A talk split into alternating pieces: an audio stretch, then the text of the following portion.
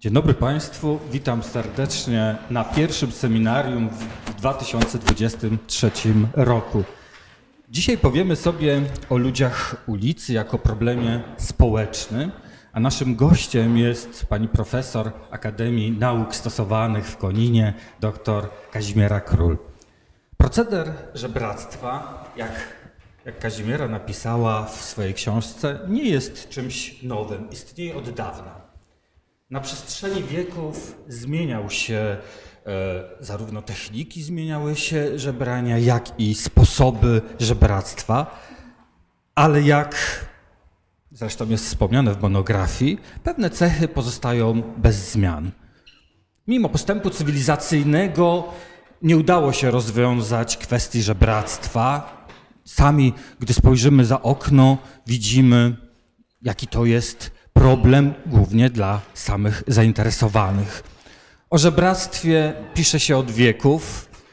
E, pisał bardzo dużo publikacji, chociażby profesor Bronisław Geremek, chociażby w świecie opery żebraczej, czy e, Litość i Szubienica, ale też e, Nędznicy Wiktora Hugo, czy też, e, czy też Mark Twain, Książę i Żebrak.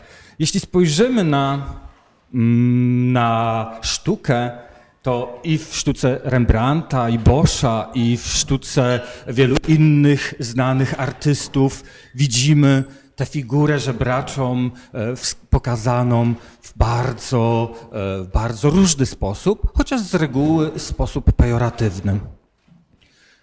O figurach żebraczych, o stylu życia, o sposobie zachowania się, jak zmieniają się żebracy, czy, czy sposoby e, żebrania. Mam nadzieję, że za chwilę powie nasza, nasz gość, doktor Kazimiera Król, a prywatnie moja przyjaciółka. E, mam nadzieję, że, że nasze spotkanie będzie bardzo owocne, że będzie wiele pytań. Jeszcze raz wszystkich witam na początku 2023 roku. I oddaję głos.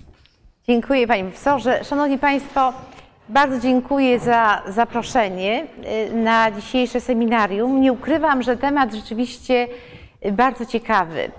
Ja zainteresowałam się tym tematem 20 lat temu, kiedy w okresie transformacji ustrojowej na ulicach polskich miast pojawiło się bardzo wiele osób proszących o jałmużnę. Nie ukrywam, że intrygowało mnie to, dlaczego żadne służby nie interweniują, nie interweniują, skąd są ci ludzie, dlaczego proszą o wsparcie na ulicy, ale najbardziej byłam zaniepokojona żebractwem dzieci. Dzieci, które w okresie zimowym przy mrozie minus 5 plus 10 stopni przez 6-8 godzin w pozycji klęczącej proszą o jałmużnę.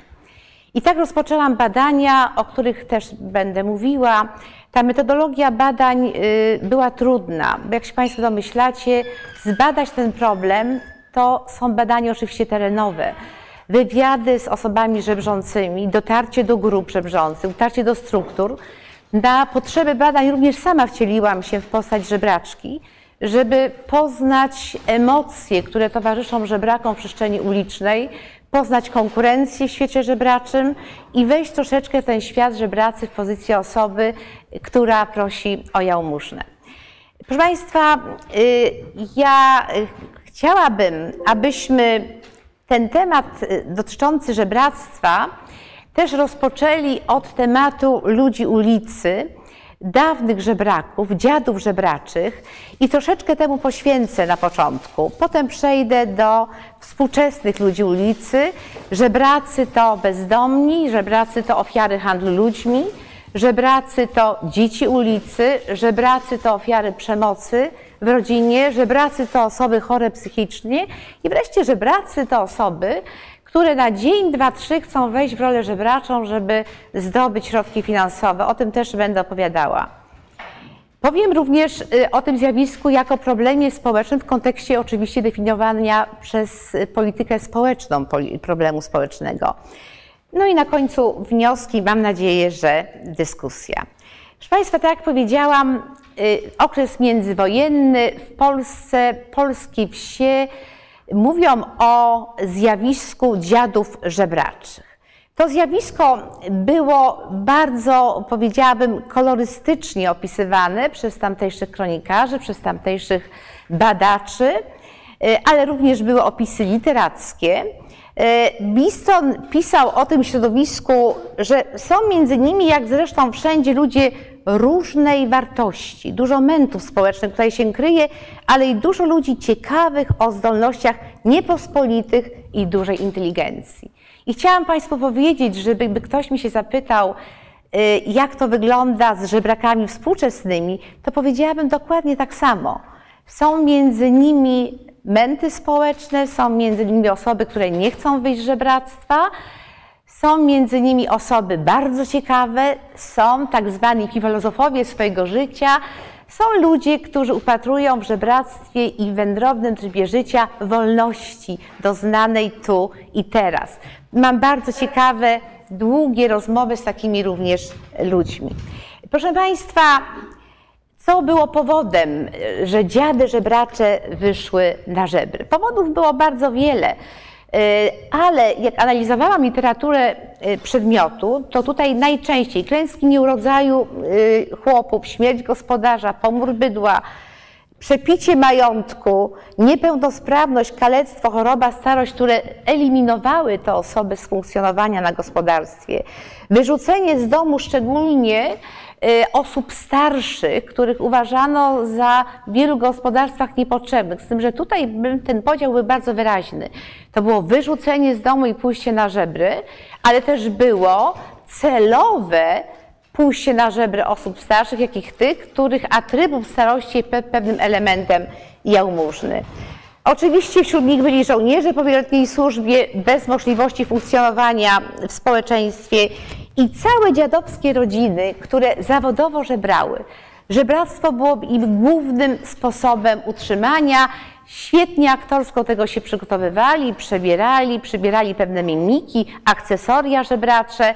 No i były to bardzo dobre dochody. Yy, z literatury przedmiotów wynika, że tych rodzin żebraczych nie było wcale mało i niektórzy porzucali gospodarstwa rolne, wchodzili w rolę, w rolę. Proszę Państwa, y, te cechy dziadów żebraczych y, to przede wszystkim y, właśnie żebractwo wędrowne. Przybysze z dalekich światów. Dlaczego? Wędrowali od wsi do wsi i co ciekawe, zawsze byli anonimowi. Nigdy żebrak z danej wsi nie żebrał w tej wsi, z której pochodził. To samo jest we współczesnym żebractwie. Żebractwo absolutnie jest anonimowe, o tym też powiem. Dlaczego? Bo ta aura tajemniczości, ta aura bycia pewnym pomostem między światem zmarłym a światem, którym funkcjonuje, była powodem tego, że dziady żebracze deklarowały modlitwę za dusze zmarłych. I to był bardzo dobry dochód. Były też takie sytuacje, gdzie wręcz zapraszano dziadów żebraczych, aby przy trumnie modlili się dla duszy zmarłych. Proszono ich na zaduszki, proszono przy kościele. Także był to rzeczywiście bardzo dobry sposób na e, dochód. Te akcesoria, które towarzyszyły, to proszę Państwa, z takich, które Państwo tutaj przeczytaliście w międzyczasie, to bardzo ciekawe były kije, które były owinięte w skóry y, jeżowe. Dlaczego? Żeby odganiać psy, które atakowały żebraków, a ta rzeczywiście skóra jeżowa robiła niesamowite y, wrażenie. Y, oczywiście y, zapuszczane brody, zapuszczane długie włosy, ta cała aura tajemniczości pod tym y, i ubiorem, i akcesoriami miała wzbudzać oczywiście wielkie zainteresowanie. Eksponowali oczywiście swoje kalectwo, czyli tego, czego nie mieli. Jeżeli nie mieli nogi, to to eksponowali. Jeżeli nie mieli ręki, to oczywiście takie kuty eksponowali. I tak jest też współcześnie o czym będziemy mówili. Tutaj, proszę Państwa, bardzo ciekawy właśnie obraz żebraków ze wsi e, Sulisławice.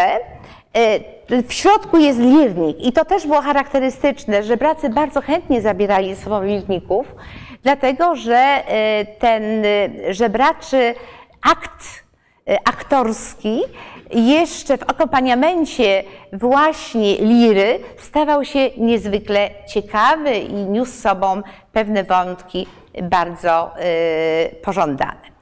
Ale proszę Państwa, coś bardzo ciekawego, a mianowicie znaki porozumiewawcze żebraków.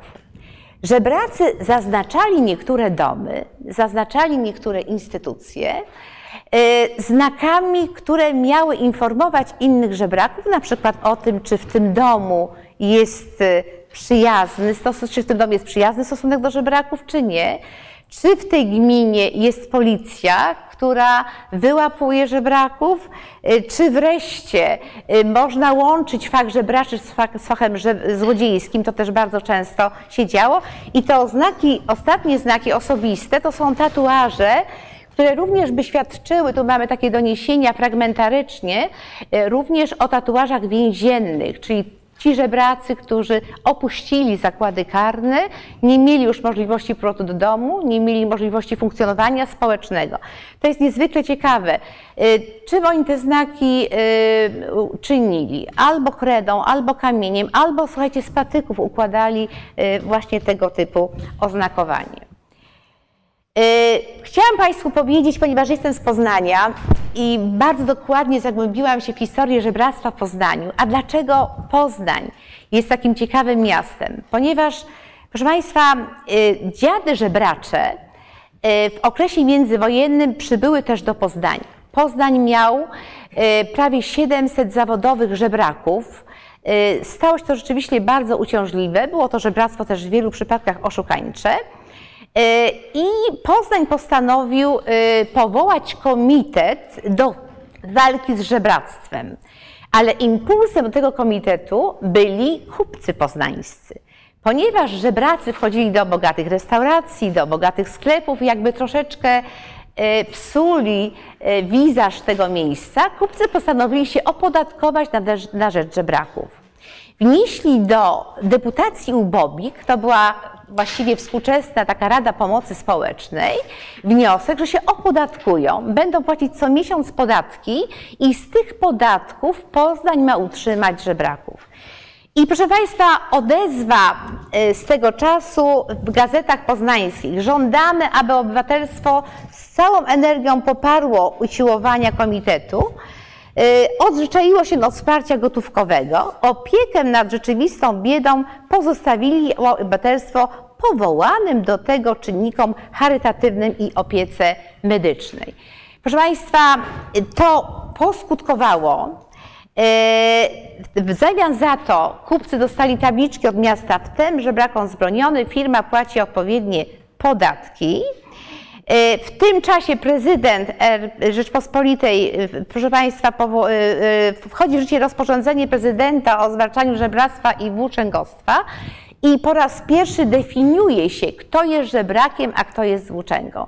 Oczywiście na podstawie tego rozporządzenia rozpoczynają się łapanki żebraków we wszystkich większych gminach, y, odwożenia ich do gmin pochodzenia i sądy grodzkie rozpoczynają wielomiesięczne y, akty tak zwanej dysputy prawnej, cytuję, nad żebrakami.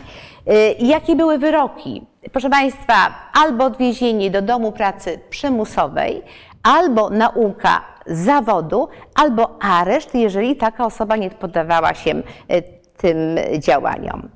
E, I tutaj, proszę Państwa, ten, kto zawodowo zajmuje się wypraszaniem dla siebie w jakikolwiek sposób jałmużny, to jest żebrakiem, zgodnie z rozporządzeniem prezydenta, a włóczęgą ten, kto bez pracy, środków do życia, zmieniał stale miejsce swojego pobytu, nie w celu znalezienia pracy. I w momencie, kiedy to rozporządzenie wchodzi, proszę Państwa, w, powstaju, w Poznaniu powstaje z funduszy komitetu y, i z funduszy kupców jeden z najnowocześniejszych domów dla żebraków. Dom pomocy społecznej dla żebraków i osób starszych, na tyle nowoczesny, że wszyscy przyjeżdżali patrzeć, jak można to zrobić, jak można to wyposażyć i jakie działania pomocowe można stosować. Na tamte czasy, zobaczcie Państwo, piękny budynek, y, murowany. Y, chciałam powiedzieć, że w Poznaniu do dnia dzisiejszego jest tam dom pomocy społecznej, a na ulicy Mostowej wbudowano drugi taki budynek i tam jest, mieści się wydział, y, różne wydziały medyczne dotyczące szkół policealnych. I to jest sala, też zdjęcie sali z tego przytułku dla żebraków. A chciałam Państwu powiedzieć, jak działała ta ustawa. Proszę sobie wyobrazić, e, że w Poznaniu, proszę zobaczyć, e, w 1933 roku wyłapano 1223 żebraków i jak to malało, prawda? Także to rzeczywiście bardzo działało, ale z tych osób e, również były osoby, które znalazły się w tym przytułku i w tym domu dla żebraków. No, proszę Państwa, i przejdziemy do współczesnych ludzi ulicy. I gdyby mi ktoś zapytał, jak zmieniły się socjotechniki y, żebrania, jak zmieniła się pewna struktura społeczna, to powiedziałam tak, y, to co powiedziałeś, Sławku, byłeś uprzejmy o Boschu. Bosch, proszę Państwa, malarz niderlandzki, to mamy 1517-20 rok, zrobił ryciny z 70 figurami żebraczymi. I gdybyście Państwo je porównywali, to znajdziecie współcześnie absolutne odniesienie tamtych czasów i dziadów żebraczych do figur, jak które oczywiście te wszystkie figury Państwu y, pokażę, tak? Kogo ja spotkałam na ulicy i kogo ja uważam za ludzi ulicy?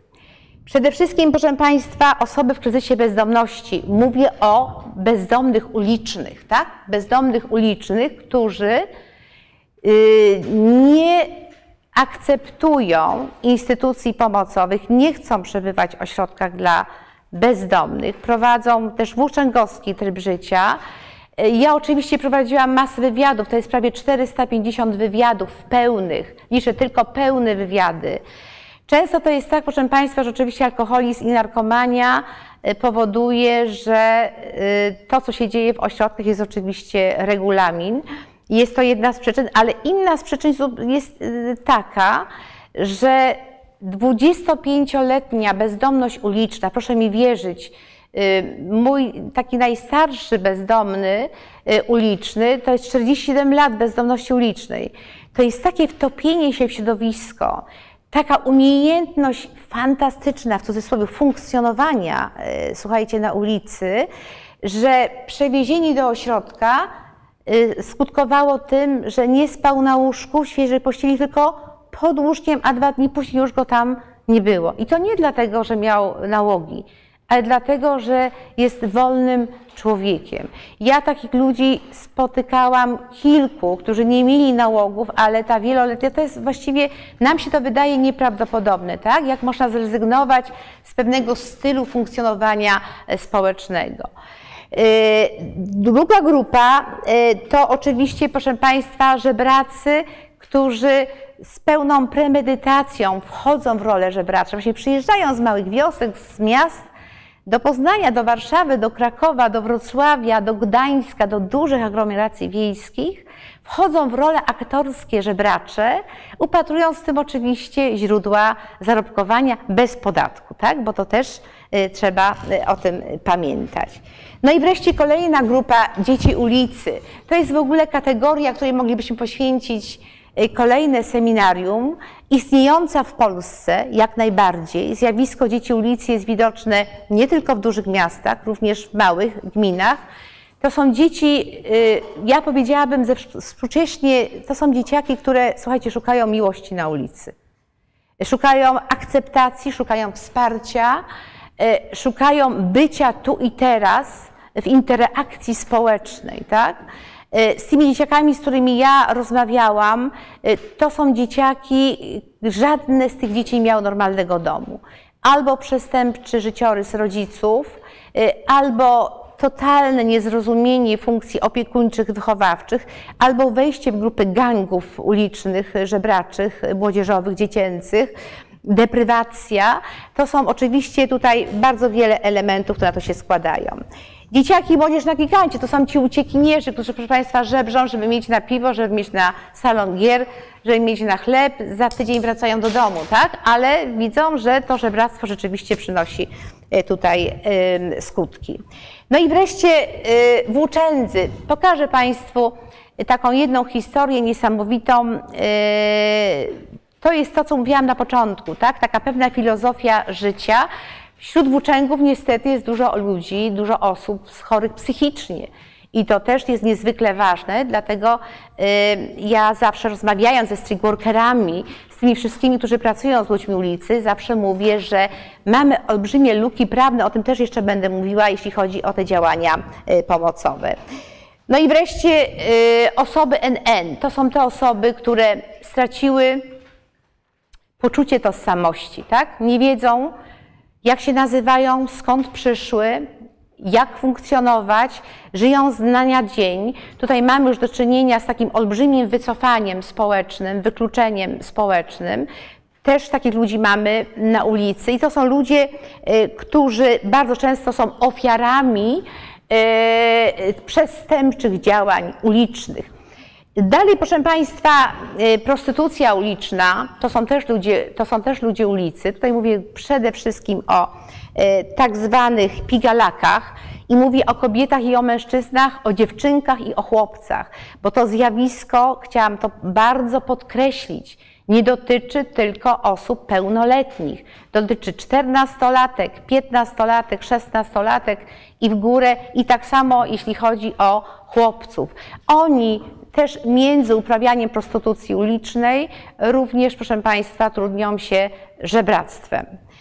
Y, I oczywiście y, wszystkie inne osoby, dla których przestrzeń uliczna stanowi pewną formę funkcjonowania społecznego i stylu życia.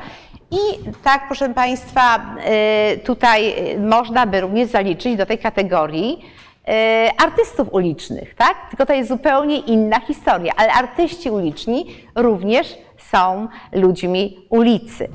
Myślę, że kiedyś takie ciekawe możemy zrobić seminarium.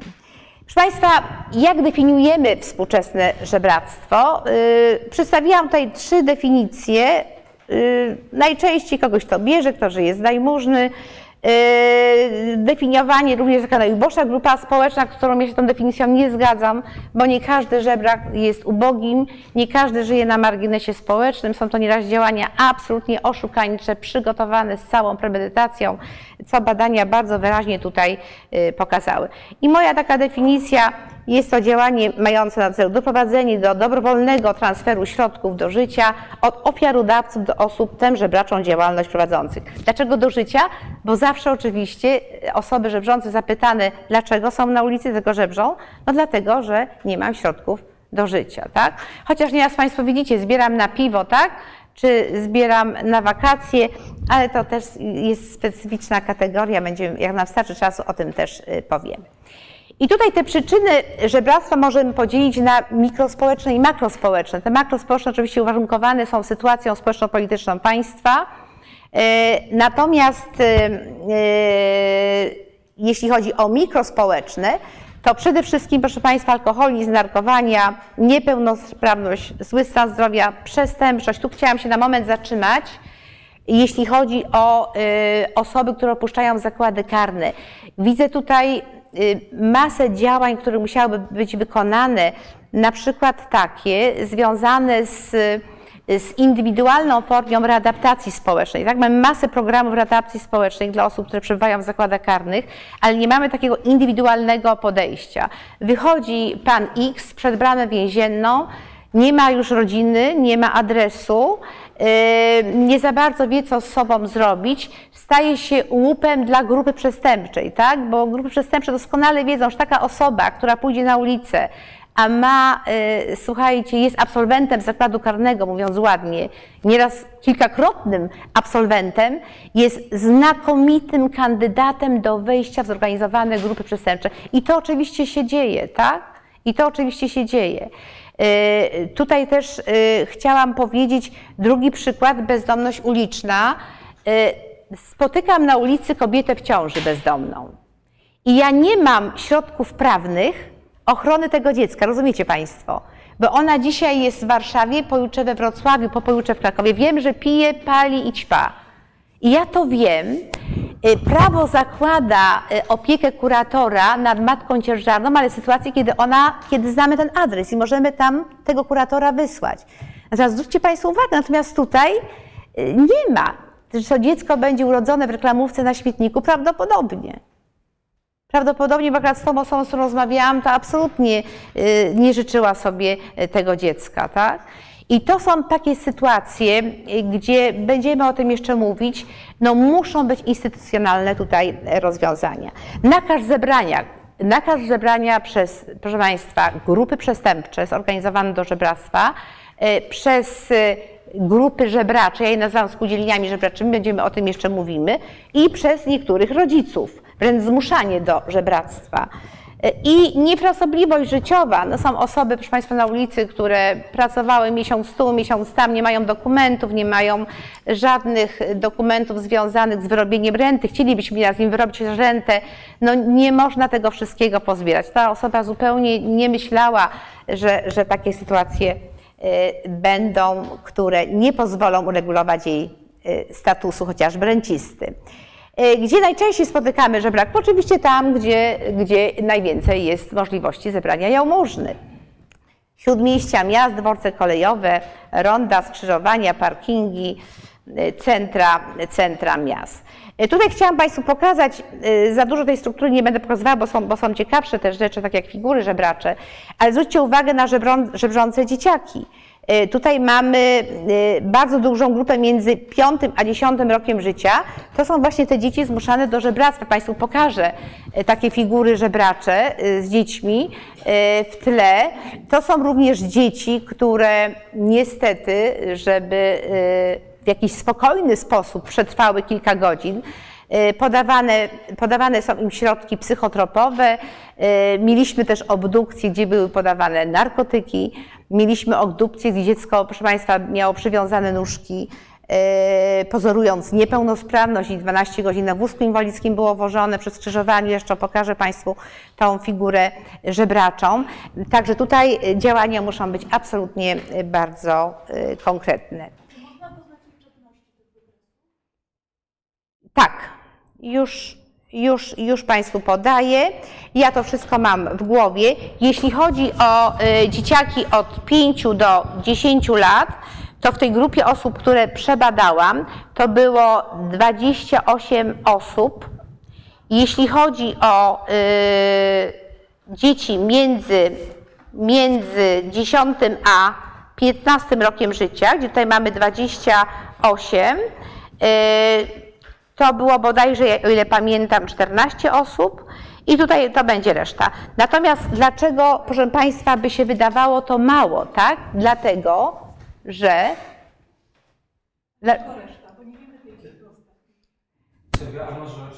Może na końcu, tak? Dobrze, dobrze. Ja Pani może te liczby rzeczywiście spokojnie podam y, konkretnie. Natomiast chciałam powiedzieć, że 15-18 lat to jest często decyzja samodzielna już o, o tym żebractwie. Tak? Tu już jest młodzież, która samodzielnie podejmuje e, taką decyzję. Proszę Państwa, właśnie najlepiej jak mówimy się na koniec na pytania. Jakie są cechy żebractwa współczesnego, tak? Oczywiście upatruje się w żebractwie dodatkowych źródeł dochodu, to co powiedziałam. E, ale też zaciera się różnica między normalnością e, świata żebraczego, a e, tym, co nazywamy usługą. No bo jeżeli Państwo widzicie dziecko, na przykład, które gra na harmonii, to zadajecie sobie pytanie, czy ono pracuje, czy ono żebrze, tak? I tutaj oczywiście są dwie odpowiedzi. Czy żebrak gra, czy żebrak pracuje, czy żebrak żebrze. Oczywiście są dwie odpowiedzi. Pierwsza odpowiedź taka, że instrument często jest y, tylko y, pewnym y, takim elementem, który ma mówić nam, że to dziecko pracuje, a nie żebrze, tak? Natomiast czy dorosły graje? Natomiast okazuje się, że te osoby nie potrafią w ogóle grać, coś tam brzękają, ale, ale pozorują pracę. A druga rzecz to rzeczywiście grajkowie uliczni, którzy można powiedzieć, wykonują pewną pracę, ale w Polsce, nie wiem czy Państwo wiecie, niektóre miasta wprowadziły certyfikaty nagrajków ulicznych właśnie dlatego, żeby wyeliminować e, to żebractwo, które nie jest do końca e, prawdziwe w kontekście artyzmu ulicznego. To samo jeśli chodzi o e, oczywiście inne sztuki uliczne. No i wreszcie, proszę Państwa, żebractwo zawodowe zawodowe. To jest ta kategoria osób, które w żebractwie upatrują dochodów, gdzie już jest pewne doświadczenie. Ja sama muszę Państwu powiedzieć, że to moje doświadczenie z żebractwem, gdzie jednorazowa próba daje konkretny zarobek, to może wciągać. Sama się przekonałam, że to może wciągać, tak? E, pójście do urzędu skarbowego, jak w moim przypadku, i zapytanie się, czy mogę się opodatkować, bo jestem żebraczką, i odpowiedź, że nie mamy w strukturze zawodów żebraków w związku z, nie, w związku z tym, że nie. Chociaż i mamy jednego żebraka w Polsce, który się opodatkował, opowiem Państwu jego historię. E, e, to może rzeczywiście wciągać, tak? I historie moich żebraków, których ja doskonale znam, bardzo wyraźnie wskazują e, na tego typu działania, które bardzo wyraźnie po pewnej próbie jednej, drugiej, trzeciej, czwartej są bardzo skuteczne. No i wreszcie cyberżebracy. Żebractwo ewaluuje, tak jak każdy problem społeczny, tak każda, każde zjawisko społeczne. Mamy w tej chwili, ja w tej chwili robię badania, może jak się spotkamy następnym razem, opowiem Państwu więcej. Natomiast pokażę Państwu cyberstrony żebracze, e, które funkcjonują, bardzo dobrze e, się mają.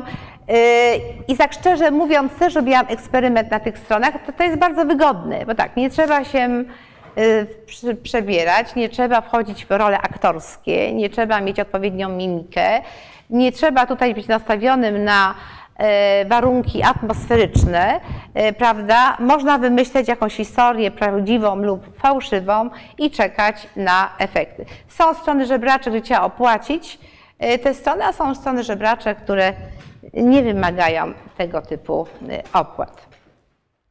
No i wreszcie, proszę Państwa, przejdziemy do figur żebraczych. Jak Państwo przechodzicie i widzicie żebraka, to żebrak ma na autoprezentację ile czasu? Czyli ile Państwo przechodzicie, tak?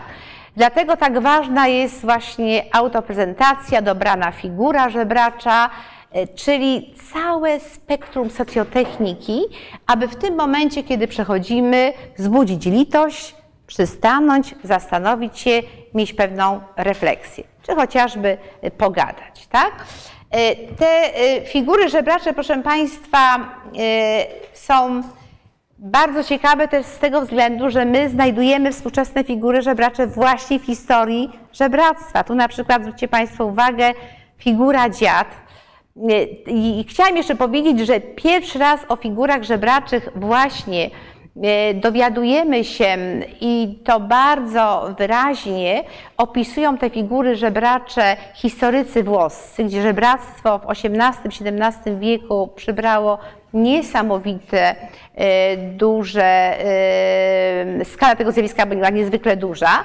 E, badania też Światłowski, Marmuszelski w Polsce, żebracy w Polsce, gdzie oni też bardzo wyraźnie wskazują na pewne figury żebracze i moje badania jakby idą troszeczkę współcześnie, też nadaje tym figurom żebraczym też pewne nowe nazwy, bo żebractwo oczywiście też ewaluuje.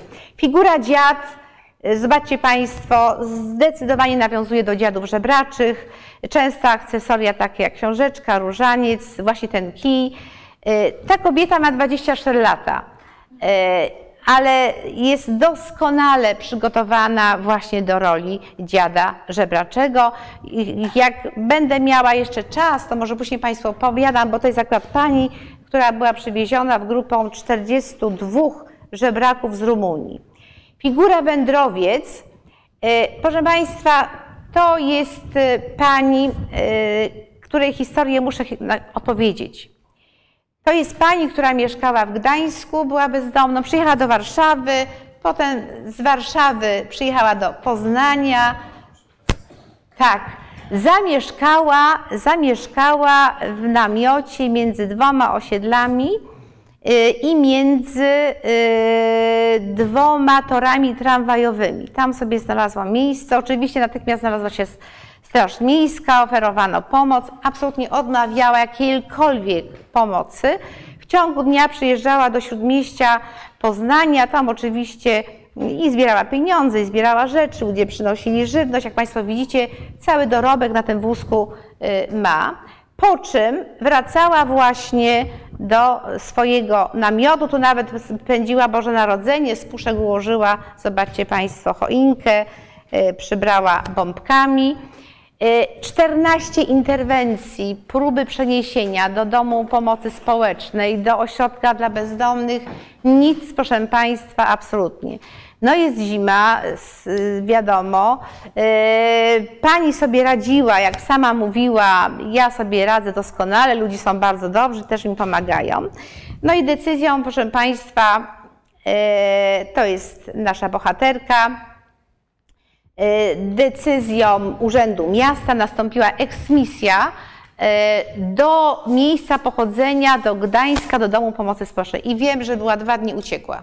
Nie wiemy, gdzie teraz przebywa. To jest to, o czym mówiłam na początku, pamiętajcie Państwo, ten włóczęgowski tryb życia, tak? E, oczywiście e, wypracowane formy przetrwania ulicznego, doskonale. Natomiast proszę mi wierzyć, e, pani się dwa razy chyba myła na rok i to niestety, zresztą proszę zobaczyć na ręce,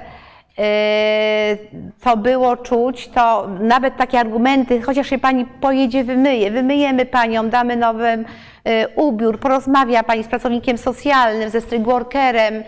Nie, nie, bo wy mi tak i tak skutecznie, mi się moje życie podoba, wy mi tak skutecznie nie pomożecie.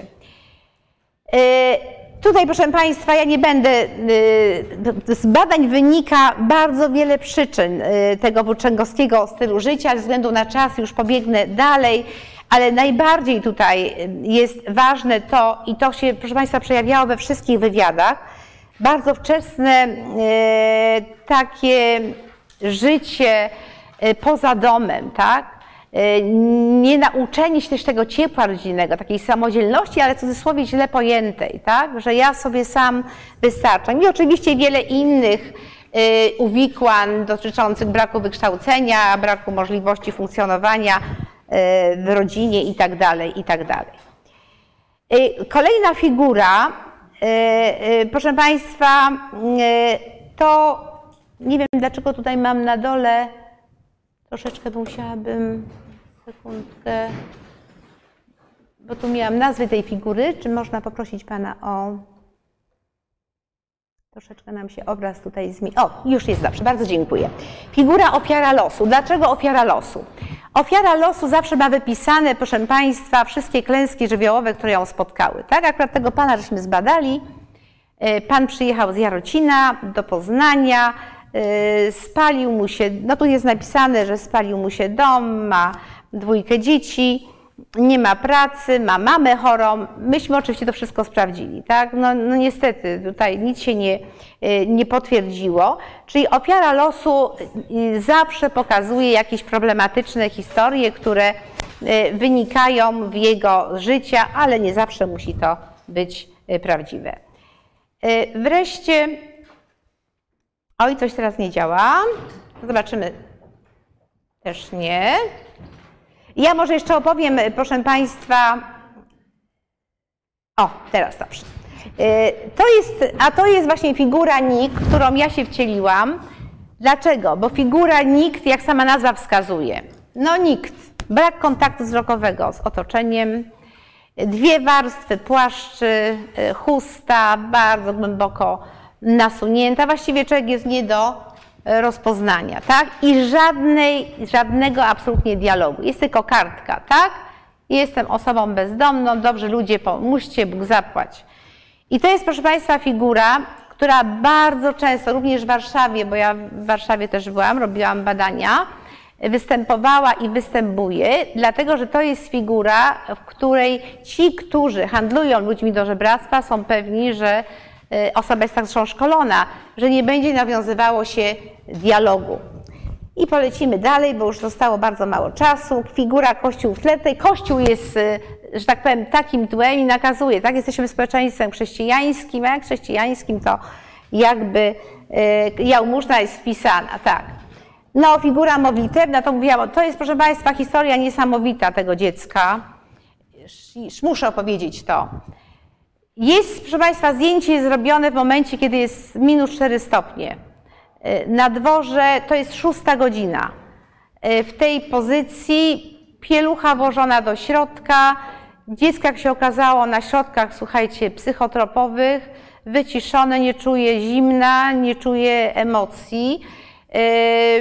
Oczywiście dziecko zostało przewiezione do specjalnego ośrodka, bo w Poznaniu wdrożyliśmy taki program, że ofiary handlu ludźmi do żebractwa oczywiście przewozimy, żeby grup przestępczych nie odbiły, bo jest proces i oczywiście były takie sytuacje, że, że świadkowie są odbijani, tak, żeby nie, nie było, y, że tak powiem, dowodu. Y, kolejny przykład, gdzie tutaj mamy rekwizyt, dziecko trzyma rekwizyt dziecka, tak? Też dziecko, proszę Państwa, na środkach narkotycznych mija szósta godzina. Oczywiście wszystko jest, y, funkcjonuje w kontekście grup przestępczych. Tu przykład właśnie dziewczynki, która kompletnie nie umie grać. E, druga figura gra uliczny, też y, Adam Brzęka, ale, ale grać nie potrafi. No to jest ta figura kaleka, to co mówiłam, eksponuje się to, czego się nie ma. Tu nie potrzeba żadnej kartki, nie potrzeba nic mówić, tak? Sygnalizacja świetna powoduje, że y, żebrak Y, ma ten czas, żeby zaprezentować swoją niepełnosprawność, tak? Figura kwestarz. No to są te różne, proszę Państwa, kwestarz nigdy nie zbiera dla siebie, zawsze dla kogoś. W tym przypadku też się nie potwierdziło. Pan zbierał na przeszczep y, związany z nowotworem, białaczką dla dziewczynki, która wirtualnie istniała. Y, I sprawa też oczywiście została zbadana. E, żebrzące dzieci. To są te historie na wózkach inwalidzkich, gdzie rodzice wystawiają dzieci, proszę Państwa, do żebractwa, kalectwa. Tutaj kalectwo jest pozorowane. No i ta figura komunikacyjna. Tu mamy akurat matkę, która też wywozi dziecko codziennie i osobę dorosłą. No i to jest, proszę Państwa, ta, ten przypadek uczciwego żebraka z kasą fiskalną, tak? To jest pan Wojciech z Katowic, który, proszę Państwa, mówi tak. Gram na skrzypcach, bo to koi moją duszę i koi duszę przechodniów. Ale mam kasę fiskalną, bo jestem godnym żebrakiem. Mam godność. Żeby mieć godność, trzeba mieć kasę fiskalną. A skąd on ma tą kasę fiskalną? Założył e, działalność, yy, słuchajcie. Yy, gra na tych skrzypkach. Nie jest to może wirtuozeria wielkiego lotu, ale rzeczywiście gra. Każdy datek przechodzi przez kaszę fiskalną, płaci podatki i jest rzeczywiście osobą rozpoznawalną e, w Katowicach, niezwykle lubianą i to jest jego miejsce pracy. I jak właśnie mówi o sobie, że jestem bardzo uczciwym e, żebrakiem, grajkiem ulicznym i wszyscy powinni się opodatkować. I jeszcze chyba, proszę Państwa, to już na koniec, bo już się kończy w międzyczasie w Polsce powstało kilka takich kampanii przeciwżebraczych. Wrocław, Poznań, e, Warszawa, Gdańsk. E, bardzo, że tak powiem, one na początku wzbudzały takie różne odczucia, niektórzy negowali te kampanie, ale proszę mi wierzyć, jak się nie jest w środku tego problemu, nie zbada się, to rzeczywiście y, ta negacja jest bezpodstawna. Tu głównie chodziło o to, żeby y, no, to żebractwo oszukańcze w jakiś sposób zdiagnozować, no i też wyedukować społeczeństwo, kim są żebracy tak naprawdę, jak to wygląda, pokazać tą y, charakterystykę problemu. To są też plakaty z, tego, z tej kampanii, u nas też w Poznaniu w języku też angielskim, niemieckim, hiszpańskim. No i teraz jak pomagać, tak? Proszę Państwa, to jest oczywiście niezwykle ważne, bo jeżeli mamy problem społeczny, to problem społeczny musi być minimalizowany. Muszą być działania instytucjonalne, muszą być działania gminne, muszą być działania instytucjonalne. Yy, tutaj musi być skonstruowany tak system pomocy, yy, aby zdecydowanie, proszę Państwa, też tych, którzy pomagają uczyć godności postępowania z tymi ludźmi. To jest niezwykle ważne. Ja mam e, wielo, wieloletnie doświadczenie w kształceniu e, tych, którzy pracują nie tylko z ludźmi ulicy, pracowników socjalnych, i wiem jedno, y, wiem jedno, że dopóki nie będziemy też uczyć studentów pracy na ulicy, to nigdy tych umiejętności mieć nie będą. Ja mam też taką zasadę, że, że jak, jak się bierze studentów na ulicy i mówię, proszę, przeprowadź wywiad z bezdomnym, ja widzę, czy ktoś ma predyspozycję, czy ktoś ma to coś, czy nigdy nie będzie pracownikiem socjalnym, tak? Bo y, jeszcze o tym powiemy sobie prawdopodobnie dzisiaj. Brakuje w Polsce ulicznych pracowników socjalnych, street workerów z prawdziwego zdarzenia. Oni są właściwie tylko w dużych miastach, natomiast w małych gminach nie ma, nie ma street workerów. No i to, co jest niezwykle ważne, y, to proszę Państwa, no chciałam pokazać, oczywiście są już mobilne punkty pomocy, są trzy razy w tygodniu w Poznaniu karetka pogotowia z lekarzem, też ze street workerami, także są takie miejsca, gdzie ta pomoc rzeczywiście jest świadczona, są po, punkty pomocy medycznej, lekarze nadziei, tutaj również w Warszawie, w Krakowie, w Poznaniu. E, Jest miejska karta praw e, osoby doświadczającej bezdomności, którą tylko Gdańsk ma. Żadne inne miasto do tej pory, proszę Państwa, to jest 14 praw dla osób bezdomnych przygotowane przez e, unijne instytucje. Świetny dokument. No i pytanie, dlaczego, że tak powiem, do tej pory inne miasta się nie przyłączyły. I na końcu dosłownie rekomendacje. Proszę Państwa, potrzebna jest diagnoza problemu, to jest niezwykle ważne. Y, Przy jednym narzędziu badawczym y, powołanie stałych zespołów do działań profilaktycznych, policja, straż miejska, pracownicy socjalni, organizacje pozarządowe, y, praca socjalna z ludźmi ulicy. Tutaj potrzeba pracowania w Polsce nowego, nowej metody właśnie ze zwiększeniem działania street workerów i stworzenie krajowego komputerowej bazy danej. Nie mamy bazy danej, tak? Ludzi, którzy się przemieszczają, czyli mamy tego samego bezdomnego trzy razy y, w statystyce albo włóczenkę trzy razy y, w statystyce. No i wreszcie y, to, co powiedziałam, wymienia, wymiana doświadczeń samorządu, bo to jest bardzo ważne. I należy kształcić pracowników socjalnych w takim właśnie y, też przekonaniu, że ta praktyka sztuki pracy z ludźmi ulicy absolutnie musi być nauczona. No i poza y, tą wiedzą, którą mamy, y, jest też bardzo ważne, aby proszę Państwa, uczyć też pracy z ludźmi w skrajnej sytuacji życiowej, żeby nie było tak, jak był spis bezdomnych i byli, były osoby, które spisywały bezdomnych, podchodziły do tych osób i pytały się, Pani bezdomna, ile Pani ma lat, tak? To są takie niedopuszczalne, to jest właśnie brak y, przygotowania ludzi, którzy mają pracować, którzy mają dotrzeć do tych ludzi, y, takich działań niezwykle empatycznych, to jest bardzo ważne. I y, proszę Państwa, y, to, co jest bardzo ważne, y, to y, to, żeby walczyć z przyczynami, a nie skutkami. My bardzo często walczymy tylko ze skutkami, a pozostawiamy przyczyny. I na sam koniec, bo jest jakiś jeszcze okres y, świąteczny, y, proszę Państwa, y, murale Bańskiego znacie pewnie Państwo, bo są na całym świecie. E, tak, i y, ten ostatni, bardzo ciekawy, wykonany przez dwie godziny, bezdomny na ławce w londyńskiej dzielnicy. E, I dorysowuje tutaj murar, który ma przenieść tą osobę w lepszy, milszy, bardziej empatyczny świat. Ja Państwu bardzo dziękuję. Zdaję sobie sprawę, że wiele rzeczy y, zostało poruszonych y, y, nie do końca, ale czas niestety nas tutaj gonił, ale mam nadzieję, że w dyskusji domówimy pewne rzeczy. Bardzo dziękuję. Bardzo dziękuję za przedstawienie tego niezwykle ważnego i interesującego, interesującej kwestii społecznej. Zanim oddam Państwu głos, to może pozwolę zadać pytania z YouTube'a, a później oddam Państwu mikrofon i głos. E, Pytania zadał profesor Ryszard e, Scharfenberg e, i postaram się przeczytać, ale mam małe literki. Pierwsze, kiedy zostały przeprowadzone te 450 wywiadów? Drugie, skoro artysta uliczny i dziecko ulicy jest człowiekiem ulicy, to jaka jest definicja tego pojęcia? I trzecie, czy bohaterka i rozumiem, że e, na zdjęciu wyraziły zgodę na publikację wizerunku? Tak, tak, bo to jest ważne, oczywiście. Tak. E, Panie profesorze, e, jeśli chodzi o ilość osób badanych, to ja może o metodologii właśnie powiem, bo, bo nie było na to czasu, już mówię.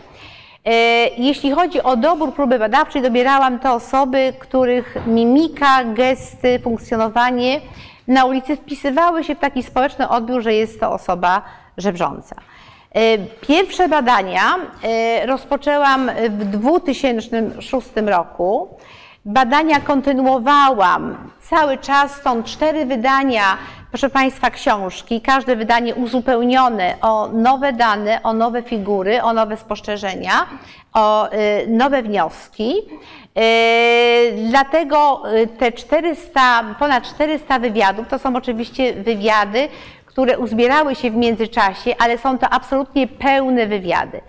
Dlaczego uważam, że y, te działania żebracze, które były, które były wcześniej, są absolutnie y, wkomponowane we współczesne żebractwo, ponieważ nie zmieniły się przyczyny żebractwa, nie zmieniły się figury żebracze. Y, Ba, ja spotykam tych samych żebraków, których spotykałam y, 20, 15, 10 lat temu. Bo też chciałam powiedzieć, że y, bardzo w Polsce rozwinęło się żebractwo zawodowe, czyli to właśnie żebractwo, które mówi nam, że żebractwa można przeżyć. Tak? I kolejne pytanie pana profesora. Tak, oczywiście, proszę Państwa, wszystkie osoby wyraziły zgodę. Te osoby, które nie wyraziły zgody, nie pokazałam oczywiście fotografii, bo figur żebraczych jest oczywiście więcej. E, To są osoby, z którymi przeprowadzałam wywiady na początku, ale zwróćcie Państwo uwagę, niektóre zdjęcia są robione e, w taki sposób, że jest wyrażona zgoda, ale też z prośbą, żeby nie było tej twarzy i ta twarz nigdy nie jest dokładnie widoczna, tylko pod tym, e, pod tym warunkiem.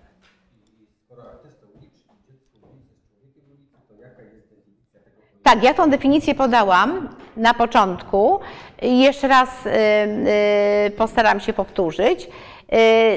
Y, Dla wszystkich osób, których przestrzeń ulicy jest pewnym sposobem na funkcjonowanie społeczne, zarabianie i funkcjonowanie również w kontekście życia społecznego, to są ludzie ulicy. Oczywiście bardzo różne kategorie, które przedstawiłam i teraz te kategorie jeszcze można zdefiniować osobno. Czyli osobno definiujemy dzieci ulicy, osobno definiujemy osoby, które się bezdomności, osobno definiujemy e, żebraków, osobno definiujemy, proszę Państwa, również prostytucję uliczną i tak dalej. Tak? Jest to, ja sobie zdaję sprawę, Panie Profesorze, że definicja jest bardzo ogólna, ale jak na razie e, nie znalazłam innej też definicji.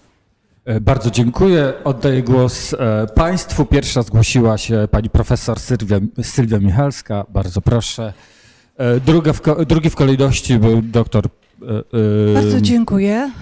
To za chwileczkę. Ja siądę, przepraszam, mam dużo notatek. Bardzo, bardzo dziękuję.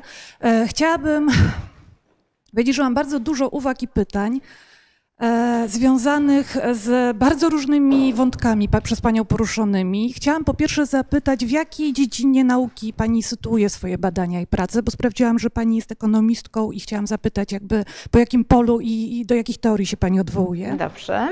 Po drugie, chciałabym zapytać jeszcze w kontekście mm, nawet tej definicji, którą teraz Pani przytoczyła, nawiązując do pytania Pana profesora Scharfenberga, to co Pani powiedziała, ludźmi ulicy czyni też, nie wiem, policjantów na patrolu, którzy zarabiają na ulicy, będąc stale w e, sytuacji społecznej, E, to nie wiem, panów parkingowych. Jakby ta definicja wydaje się rzeczywiście, tak jak Pani powiedziała, bardzo ogólna i chciałam też zapytać, czy Pani ją skądś wzięła, czy to jest Pani autorska definicja? Po trzecie chciałam powiedzieć, i teraz już wracam do notatek, bo to było re- reakcja... Oj, przepraszam, ja chyba będę musiała zapisywać Bardzo sobie proszę. pytania. Przepraszam bardzo Panią, dobrze? Ja zapiszę sobie pytania, żeby odnieść się. Dziękuję bardzo. Dziękuję. Dobrze, dobrze. Przepraszam. Ten lepiej, tak? Dobrze, ten lepiej, dobrze. Czyli tak, pierwsze pytanie uprzejmie proszę jeszcze powtórzyć, żeby tutaj. Pierwsze się- pytanie odnosiło się do tych ludzi ulicy i definicji ogólnej Tak. e, i tych właśnie wątpliwości związanych z e, innymi grupami zawodowymi, które zarabiają przebywając w przestrzeni e, społecznej. Po drugie, chciałabym teraz przejść do tego, co, co powiedziałam, e, że bardzo mnie uderzyło i to już było na etapie zaproszenia i lektury zaproszenia.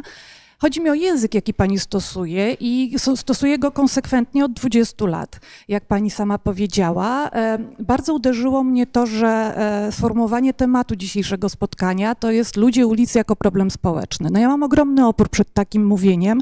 Rozumiem, że bezdomność, żebractwo są problemami społecznymi, ale ludzie są częścią społeczeństwa, także osoby w kryzysie i chciałabym, żeby pani nam wytłumaczyła, dlaczego tak.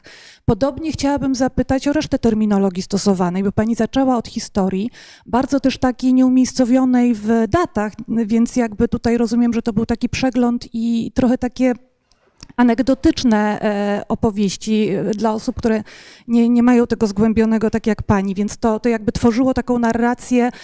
Trochę moim zdaniem można też tą opowieść snuć zupełnie innym językiem i z zupełnie innymi wnioskami. Tutaj rzeczywiście to było takie świetny sposób zarabiania, duże dochody. Chciałabym zapytać w odniesieniu do czego i dla kogo? Jak duża jest jak duży jest ten odsetek osób, które od, odnoszą takie znaczące i korzystne e, dochody z, z tego, jak pani to w abstrakcie, czy, nieopodatkowane, ale jak pani napisała, czerpiąc z tego procederu. To jest taki język kryminalnej kroniki, trochę super ekspresem i zastanawiam się, czy pani go używa świadomie, bo, bo, bo aż mi jest ciężko, ciężko to zrozumieć. E, Chciałabym też zapytać o autorstwo figur żebraczych. Kto je stworzył i czy to są pani, czy tu pani nawiązuje do tych prac e, artystycznych, które pani e, wspominała i miała, miała pokazać. Mam też bardzo jakby dużo wątpliwości dotyczących, tutaj jeszcze chciałam jeszcze po- powiedzieć, że jeśli chodzi o język, to jest taka świetna publikacja pod redakcją profesor Tarkowskiej dotycząca języka pracowników socjalnych wobec osób ubogich. I nawet ją czytając, e, to, to, to wzbudza ogromne jakby niedowierzanie i oburzenie, jak można tak traktować osoby zależne. I tutaj jakby znalazłam pogłębienie tych wątpliwości, ponieważ e, no jakby e, te, te nazywanie ludzi mentami społecznymi w, przez pracownika nauki, który bada te osoby, jest dla mnie bardzo... To był cytat. E, Potem, no proszę przysłuchać, bo to wydaje mi się dość niezręcznie w takim razie wybrzmiało, kiedy mówiła Pani, że współcześnie mamy też do czynienia z osobami bardzo różnymi, też się to, też się to pojawia. E, Mam też e, pytanie o to, czy pani zakłada intencjonalność przybierania tych figur? Czy jest tak, że, bo tutaj rozumiem, że mówiła pani o tych szkoleniach, prawie to brzmiało jak takie sesje coachingowe dla osób w kryzysie. Natomiast czy może pani przyjąć do wiadomości, badając, że to wynika, nie wiem, z bólu pleców, ze zmęczenia, z niesprawności, z choroby i z osłabienia? Na razie tyle. Ja mam jeszcze więcej pytań, ale dam pewnie, e, może się powtórzą, może Dobrze. tak, może jeszcze inni będą. To ja Dobrze, pozwolę jako, się jako że. Sylwia zadała Tak. dużo pytań, to może pozwolimy od razu odnieść się, a Tak, później tak. będzie e, Piotr Fogiel i Ruta Śpiewak, Adam Czarnecki. Tak. Dobrze, szanowna Pani, więc przede wszystkim odniosę się do pierwszego pytania. Powiedziała Pani, że, jesteś, że jestem doktorem ekonomii, ale moje pierwsze wykształcenie to Wydział Prawa, Uniwersytet Adama Mickiewicza i zainteresowania olbrzymie naukowe, jeśli chodzi właśnie o ludzi ulicy w kontekście prawnym. Y, Doktorat Uniwersytet Ekonomiczny w Poznaniu, y, y, Oczywiście umiejscowienie, drugie pytanie, gdzie umiejscowiła te badania, jak najbardziej w naukach polityki społecznej. Tutaj nie ulega wątpliwości. Ja na początku powiedziałam, jak traktuję problem e, społeczny wynikający z problematyki ludzi ulicy. E, Cytowałam, są wśród nich męty społeczne, cytowałam, ale również powiedziałam, nie wiem czy Pani to uchwyciła, że każdy żebrak to indywidualność, inna historia. Absolutnie nie ma dwóch takich samych żebraków. I proszę Państwa, jeżeli Pani tak to zrozumiała, y, to są moi też przyjaciele, ja ich doskonale znam. Y, I o ile y, mogę powiedzieć, że y, około 30% to są rzeczywiście ludzie, którzy wychodzą na ulicę z biedy, z ubóstwa, z, dlatego są chorzy psychicznie i szukają wsparcia, nieraz też szukają towarzystwa, bo czują się samotni. E, e, To reszta, e, pozostałe osoby to są osoby, które oczywiście absolutnie wymagają pomocy, e, ale też są takie osoby, które tej pomocy nie chcą, tak? Dla których to funkcjonowanie społeczne, o których mówiłam, ze względu na nałogi jest tak, tak silne, e, że e, jest pewien taki e, moment, gdzie już kolejnego kroku nie możemy zrobić. Ale absolutnie z całym szacunkiem E, Ja, proszę Państwa, miałam 45 minut, więc bardzo fragmentarycznie, fragmentarycznie mogłam Państwu przedstawić problem, który opisałam w czterech wydaniach książki. E, Ja mam do wszystkich ludzi ulicy niesamowity szacunek. E, e, To są wielogodzinne rozmowy, niełatwe rozmowy. To jest też kilka osób, którym udało mi się z tej ulicy ich wyciągnąć, bo badania nie polegały tylko na tym, żeby proszę Państwa przygotować badania i być e, i wyciągnąć wnioski, ale również każdy przypadek napotkany na ulicy to była też interwencja społeczna moja e, do służb społecznych, do nieraz trzeba było e, interweniować, jeśli chodzi o policję, bo by- byłam przekonana, że mamy do czynienia z handlem dziećmi do żebractwa i to się potwierdziło. Myślę, że pani, przepraszam, że tak powiem, ale nie za bardzo zdaje sobie sprawę y, z różnorodności świata żebraczego ludzi ulicy, że bardzo y, jedynkowo pani to definiuje i traktuje. Ja zapraszam na badania uliczne, które są bardzo trudne. I dowie się Pani właśnie o tej różnorodności, o tym, co jest najważniejsze w tym wszystkim, że tak naprawdę ten każdy życiorys jest zupełnie, zupełnie inny. E, i- i Jeszcze tutaj jedną rzecz chciałam powiedzieć e, e, odnośnie mentów. E, Proszę Panią, e, ja nie ukrywam, że tak jak się mówi dziadowskie, coś jest dziadowskie, tak? Czyli z tych dziadów przenieś- przenieśliśmy na język współczesny, współczesny pewne sformułowania. Też bardzo często przynosimy te sformułowania na ludzi, którzy nie stosują się do pewnych reguł e, życia społecznego. Ja tutaj nie pokazałam, bo właśnie nie miałam zgody na sfotografowanie figury Menel. Figura Menel, bardzo często występująca, wygląda w ten sposób, że właśnie jest człowiek, który wy- wy- wybitnie widać, że jest po silnym spożyciu cały swój majątek ma ze sobą e, w jednej torbie M, i e, ma za sobą niestety, ale również ten życiorys taki sam mówi o sobie, jestem menelem, jestem mentą społeczną. Ale ja tego nie powiedziałam w kontekście nazwania moich żebraków, tylko w kontekście właśnie cytowania. Y, Figury żebracze też mówiłam, że po raz pierwszy na, zostały one nazwane y, w literaturze włoskiej. Y, Potem były przygotowane przez Boscha w malarstwie niderlandzkim i pierwsze figury żebracze mówiłam również Mar- Marmuszewski Światłowski w książce Żebracy w Polsce, którzy badali, którzy badali w latach 70. y, problem żebractwa i oni również, proszę Państwa, niektórym figurom żebraczym nadali nazwę i je scharakteryzowali. Y, Moje badania pokazały, że żebractwo ewaluowało, że są nowe figury też żebracze, są nowe socjotechniki żebracze, y, są nowi żebracy, którzy komponują się jakby w nową sytuację społeczno-polityczną. Tak? Troszeczkę sobie popiję.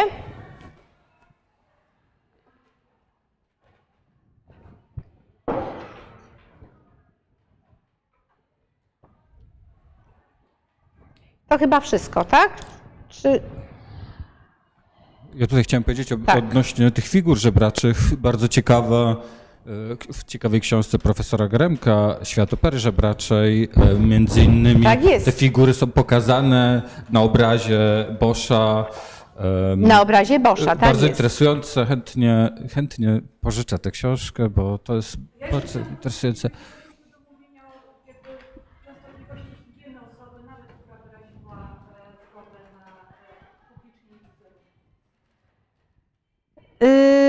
Proszę Panią, yy, jesteśmy, mówimy o problemie, tak? Mam nadzieję, że yy, mówiąc o problemie trzeba o wszystkim powiedzieć. Yy, yy, jeżeli ja rozmawiam z osobą i mówię, proszę Panią, przejedźmy do ośrodka dla bezdomnych, tam się Pani umyje, wymieni Pani bieliznę, bo brzydko Pani pachnie.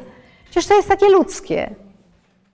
Niech Pani sobie wyobrazi, że spotyka mnie Pani na ulicy, nie myłam się pół roku, nawiązuje Pani ze mną rozmowę i mówi mi Pani szczerze, Pani Małgosiu, brzydko Pani pachnie, trzeba coś z tym zrobić.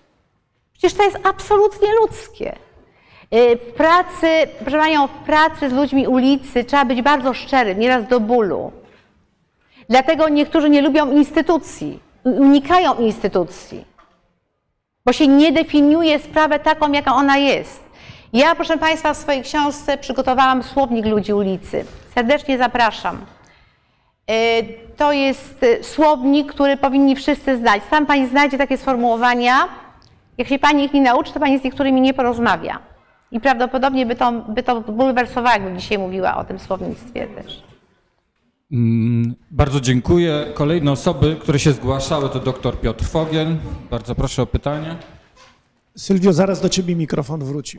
Dzień dobry. Y, Proszę pani, ja chciałbym odnieść się do wykresu, w którym pokazywała pani procentowy udział dzieci żebrzących na ulicy. Chciałbym spytać, czy ze swojego doświadczenia wynosi pani również to, że y, dzieci, które zaczynają żebrać, potem kontynuują swoją, nazwijmy to, żebraczą karierę. To tak Sylwia, w cudzysłowie, żebyś nie miała, nie miała do mnie zastrzeżeń. To jest jakby pierwsze pytanie. I drugie pytanie, czy widziała Pani również, e, może inaczej, czy stwierdziła Pani w e, prowadzonych przez siebie badaniach, że żebractwo e, w Polsce ewoluuje, czyli jeśli kogoś można zaliczyć do, e, według tego, co Pani mówiła, na przykład do włóczęgów, to za jakiś czas będziemy mogli e, zaliczyć do jakiejś innej grupy. Dziękuję. Dziękuję bardzo. Dobrze, to ja zapiszę sobie pytania Pana. Okay. Pani doktor Ruta Śpiewak.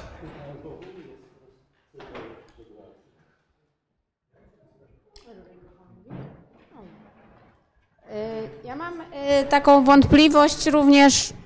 Włączony? Jest włączony, bo to idzie do internetu. Aha. y, Moja wątpliwość jest. y, Pani mówiła o przyczynach y, żebractwa. Wydaje mi się, że to jak naprawdę nie są przyczyny, tylko efekty złego działania instytucji i polityk publicznych. Y, Problem żebractwa na przykład y, i życia na ulicy w Stanach Zjednoczonych jest przepotężny. Y, COVID-19 przyczynił się do zwiększenia i głównie jest to spowodowane brakiem mieszkań, y, mieszkań y, dostępnych. Oczywiście. W Polsce ten problem jest i będzie rósł. I jakby chciałam tutaj zapytać o takie no, rozróżnienie, bo tak samo jak bardzo źle działają instytucje opieki społecznej, instytucje opieki zdrowia psychicznego i tak dalej, i tak dalej. Y, I, i, to, co, znaczy jakby nie, nie, nie zgadzam się z, defini- z tym, co Pani określiła jako przyczyny, bo wydaje mi się, że to jest chyba tylko efekt albo przyczyna pośrednia. Bardzo dziękuję. E, Kolejny pan profesor Adam Czarnecki i, i później pozwolimy odpowiedzieć pani doktor e, Barbara Prepeczko w kolejnej turze, dobrze?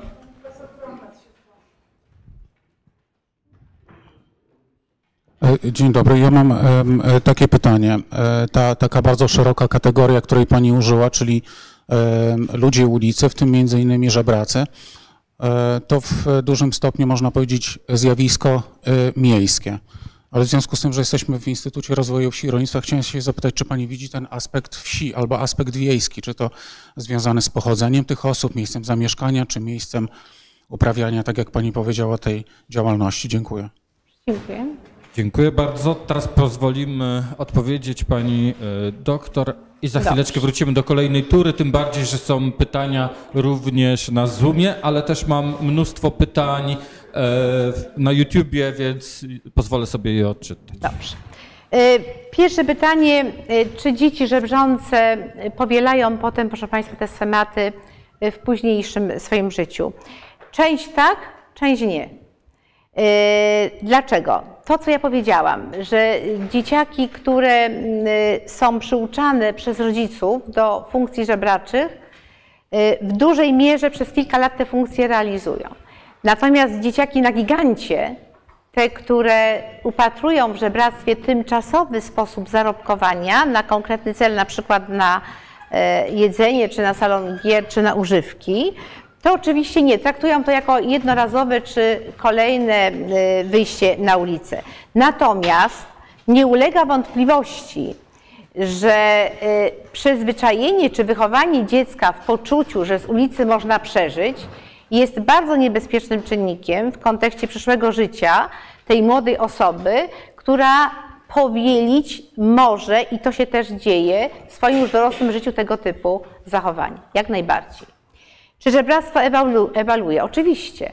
chociażby te, to żebractwo, cyberżebractwo, ale też nowe socjotechniki żebracze. Na przykład w tej chwili, proszę Państwa, y, pojawia się również żebractwo oszukańcze dotyczące zbiórki na Ukrainę.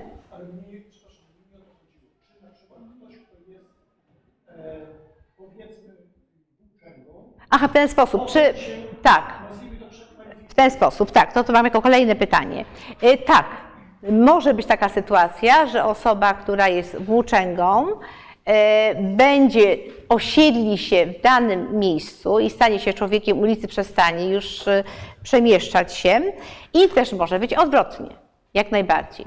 W przypadku tym pierwszym, o którym mówimy, że osoba, która była włóczęgą, osiedla się w jakim mieście, przede wszystkim są tutaj czynniki związane też z dostępnością często do łaźni miejskiej, do jadłodajni, y, do chociażby takiej pomocy, o której mówiłam, ulicznej, która trzy razy w tygodniu jest stosowana. Y, W zeszłym tygodniu przeprowadziłam wywiad z panem, który przyjechał do Poznania, też się przemieszczał, był też w Warszawie, był w Łodzi i właśnie mówił, że e, spodoba mu się to działanie street workerów poznańskich i prawdopodobnie tutaj zostanie e, w Poznaniu. Czyli tego, czego przesłanki też mogą mieć miejsce i wpłynąć na zmianę decyzji. Bardzo proszę. Tak. I tutaj, y, jeśli chodzi o pytanie Pani odnośnie przyczyn. Y, y, Te przyczyny, które podałam, są przyczynami, które prowadzą do ubóstwa, a w konsekwencji do przewractwa. Tak to proszę traktować. Proszę tak to traktować, tak? Natomiast zgadzam się z Panią, że te działania instytucjonalne są niewystarczające. Yy, Widzimy, że brzących i bezdomnych, niezależnie od yy, yy, zamożności danego społeczeństwa, tak Pani powiedziała, Stany Zjednoczone czy, czy w innych krajach. I absolutnie się z Panią zgadzam, że dla bezdomnych potrzebne jest mieszkanie. To nie ulega wątpliwości.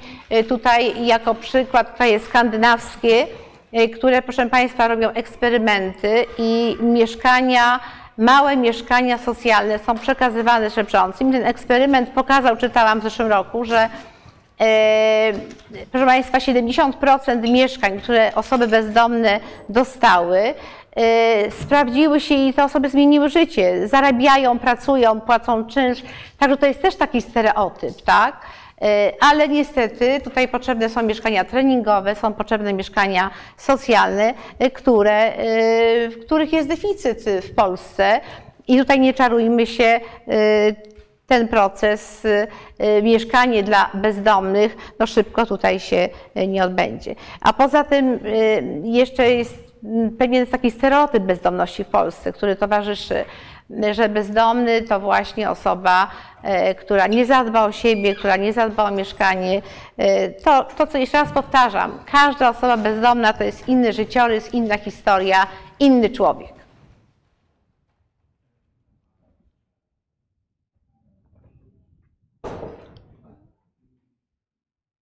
Proszę? Y, Tak, tak.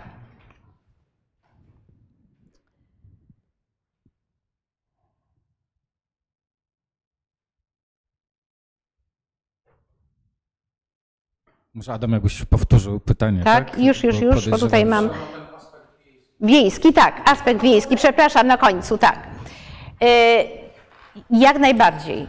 To, co też powiedziałam, że z, z wiosek i z małych miejscowości osoby żebrzące przyjeżdżają do dużych miast, ponieważ czują się anonimowo i wchodzą w rolę żebraczą, po czym wracają do swoich wiosek, do swoich miast.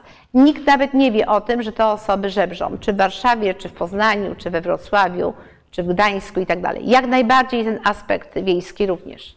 Jak najbardziej.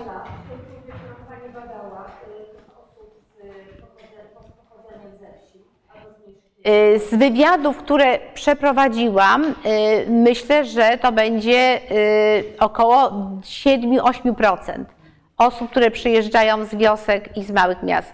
Y, Często pytana osoba, skąd przyjeżdżasz, y, podaje z miejscowości, albo z wioski pod Poznaniem, spod Śremu, albo jestem spod Śremu, tak? To już też się domyślam, że to jest bardzo mała miejscowość, czy wręcz wieś. albo jestem spod Konina. Dziękuję bardzo. To Czy rozpoczyna... jak najbardziej, jak najbardziej. Rozpoczynamy kolejną turę pytań. Pani doktor Barbara Perepeczko. Ja chciałam się odwołać do tej definicji, którą, do której też pani Michalska miała uwagi. Mianowicie dla mnie ludzie ulicy to nie zawsze są żebracy. Ja już pomijam mundurowych, o których pani wspominała, ale ja y, uzyskałam od studentki, która była zobowiązana zrobić wywiad z człowiekiem biednym, wywiad z dwójką ludzi, których poznała w barze mlecznym, którzy wyjadali resztki pozostawione. Podeszła do nich, zapytała, czy mogą udzielić wywiadów. Że owszem, postawiła im herbatę, kupiła papierosy. Wprawdzie jeden y, udał się do toalety i długo nie wracał, bo tam zasnął. Ale coś ciekawsze, jeden z nich to był człowiek z wyboru. Z wyboru. Nie z konieczności. Oczywiście. On jak już był na samym dnie niedożywienia, brudu, wracał do domu matki, która miała dom w Jeleniej Górze. Tam dochodził do normalnego stanu i wracał tutaj. A więc to jest również, rozumiem, że to nie jest częsty przypadek, kiedy jest to styl życia polegający chyba na ucieczce od pewna niefrasobliwość, którą pani Tak. chyba tak to nazwała, ale wydaje mi się, że to rzeczywiście trzeba zawsze jednak do pożądanego stylu życia przez tą osobę, systemu wartości także się odwoływać, a nie tylko do tej, y, tego aspektu utrzymania. Nie, oczywiście, jak najbardziej. Ja to powiedziałam, pani profesor, na początku, ja to nazwałam pewną filozofią życia, prawda? Że e, wybór stylu życia jest też związany z pewną filozofią życia. Ja jestem przekonana po tylu latach, ja proszę Państwa, e, powiem tak, jak rozpoczynałam badania, to postawiłam hipotezy, kilka hipotez, a między innymi jedną taką, że to bieda i ubóstwo, że to bieda i ubóstwo jest przyczyną, że ludzie wychodzą na ulicę. I to oczywiście weryfikowałam, bo nie zawsze jest to bieda i ubóstwo, tak? Oczywiście jest to bardzo ważny czynnik, ale nie zawsze. Ale nie zawsze. Potrzebne są też, proszę Państwa, y, y, można być ubogim, biednym, a nigdy nie żebrać, bo trzeba mieć jeszcze pewne predyspozycje, czego sama doświadczyłam. Nie każdy potrafi, oczywiście, trzeba mieć predyspozycję do y, żebractwa, do proszenia o jałmużnę. To, co powiedział y, nasz bohater z kasą fiskalną, tak? Ja bym tak nie mógł, ja muszę godnie, ja muszę mieć kasę fiskalną. Dziękuję bardzo. Y, Na Zoomie pani profesor Gołczyńska-Grondas zgłasza się. Y, Tylko chyba trzeba włączyć dźwięk. Tak, tak, wiem, wiem. Dzień dobry. Jest. Rozumiem, że mogę zadać. Dzień dobry. Tak? Słyszycie mnie Państwo? Bo Tak, słyszymy. Y, Ja może y, zacznę od tego, że y, od lat 90. do 2016 roku funkcjonowałam y, jako członkini zespołu pani profesor Warzygody Kruszyńskiej badającej społeczne w Łodzi w regionie łódzkim. I może zacznę o, ile dobrze zrozumiałam, co mówiła pani profesor Halska.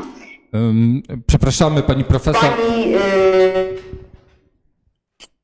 Przepraszamy pani, tak? pro- przepraszamy pani profesor, ale bardzo przerywa e, wypowiedź i Mm, niestety nie słyszymy całości. Może jeszcze za chwileczkę spróbujemy, e, spróbujemy mm, gdy internet będzie troszeczkę e, lepszy, ewentualnie przeczytam na pewno pani profesor pytania, które zadała pani profesor na Zoomie. E, Bardzo przepraszam, ale no niestety nie słyszymy całości. dobrze, ja, ja może też spróbuję to napisać po prostu, O, tak? Y, Dobrze i, i, odczytamy. Bardzo dziękuję. Dobrze, dziękuję bardzo. Dziękuję bardzo. E, pa- Pan profesor Stanisław Kowalczyk. Dziękuję bardzo. Ja mam taką prośbę, gdyby Pani mogła jakby skorygować mój sposób rozumowania, ponieważ e, taki generalny wniosek, do jakiego doszedłem po Pani tym zresztą bardzo interesującym wystąpieniu, jest taki, że dzisiaj tak de facto w Polsce nie ma żadnego żebractwa. Bo to, co, o czym pani profesor mówiła, są dwie podstawowe grupy, tak? Albo to są oszuści, i, czy zorganizowanych grupach, czy niezorganizowanych, ale ci, którzy wyłudzają, tak? Albo to jest styl życia. Więc gdzie jest to żebractwo? W takim razie takie, które można by odnieść do tego, co pani pokazywała w okresie tam międzywojennym, gdzie tam pod kościołem siedzieli rzeczywiście te dziady żebracze i tak dalej, i tak dalej, czy, czy, czy na obrazach Hieronima Bosza i tak to, to dzisiaj w zasadzie y, Zresztą pokazując te figury żebracza, praktycznie pani zdementowała y, każdą osobę, to znaczy twierdząc to oszust, tak? Bo to było albo tam było nóżki podwiązane, albo były jakieś tam y, środki przeciwbólowe, czy tam coś jeszcze i tak dalej. Czyli wszyscy właściwie wyłudzali, oszukiwali. A albo z drugiej strony styl, styl życia, tak? No bo nawet ten. Y, y, śpiewak, tak, czy jakoś tam nazywa ten, opodatkowany, to też nie jest żebrak. Niedawno y, był, y, oglądałem wywiad z Maleńczukiem, pokazywał swoje zdjęcia, jak gra w Krakowie pod Barbakanem, to wyglądał trzy razy gorzej niż ten, który pani pokazała tego żebraka. Czy de facto, czy dzisiaj jest żebractwo wobec tego? Dziękuję. Panie jest, jest żebractwo. Ja może powiem, że y, to, co myśmy tutaj oglądali, dziadów żebraczych, że siedzą pod kościołem i stosują różne też socjotechniki, to nie znaczy, że wśród dziadów żebraczych nie było oszustwów, prawda? Oni również y, y, manipulowali, znając e, pewne reakcje już wypracowane przez społeczność wiejską, że tutaj będą się modlić za duszę e, zmarłą. Byli zapraszani również na pogrzeby, wymodliwali e, też e, pójście do czystca. I kiedy postępowało takie e, wejście w, w konstrukcję mieszczańską, kiedy wieś bardziej wchodziła do miasta i zostało to trochę demontowane, to dziady żebracze też już nie miały możliwości funkcjonowania we wsi, przeniosły się z kolei też do dużych miast. I dokładnie jest to samo dzisiaj. Jeżeli w jakimś mieście, proszę Państwa, e, na przykład w Poznaniu, były działania związane z minimalizacją problematyki żebractwa, to myśmy po dwóch tygodniach widzieli, że gdzieś ci nasi żebracy się przenieśli, tak? E, Także e, tutaj absolutnie chciałam jeszcze raz zaznaczyć, że proszę Państwa, każdy żebrak to inna historia, ale zdecydowana większość, zdecydowana większość to styl życia e, absolutnie przygotowany, wybrany, precyzyjnie dopasowany do figury żebraczej. Mało tego, ja miałam takie doświadczenie, e, kiedy usiadłam jako żebraczka w Poznaniu w bardzo dobrym miejscu, e, to natychmiast pojawiła się konkurencja, która chciała mnie z tego miejsca wyrzucić, bo to nie jest moje miejsce. Tak? Co ty tutaj w ogóle szukasz? To nie jest twoje miejsce pracy. Uciekaj stąd, bo ci coś złego zrobimy. E, I jeszcze jedna rzecz. E, e, Proszę Państwa, jeśli chodzi o te zorganizowane grupy przestępcze, bo ja nie miałam czasu, jak to działa? Przyjeżdża grupa 30 paru osób z Rumunii. Rekrutuje się ludzi pod pozorem pracy w spółdzielniach socjalnych w Polsce. Jedna osoba opowiada, jak to świetnie się w Polsce pracuje. Byłam, y, podstawiona kobieta, fantastycznie. Dzieci nawet mają opiekę, więc bierzcie dzieci, bo dzieci będą miały fantastyczną opiekę i tak dalej, a być może potem gdzieś tam na zachód Wam się uda z Polski wyjechać, tak?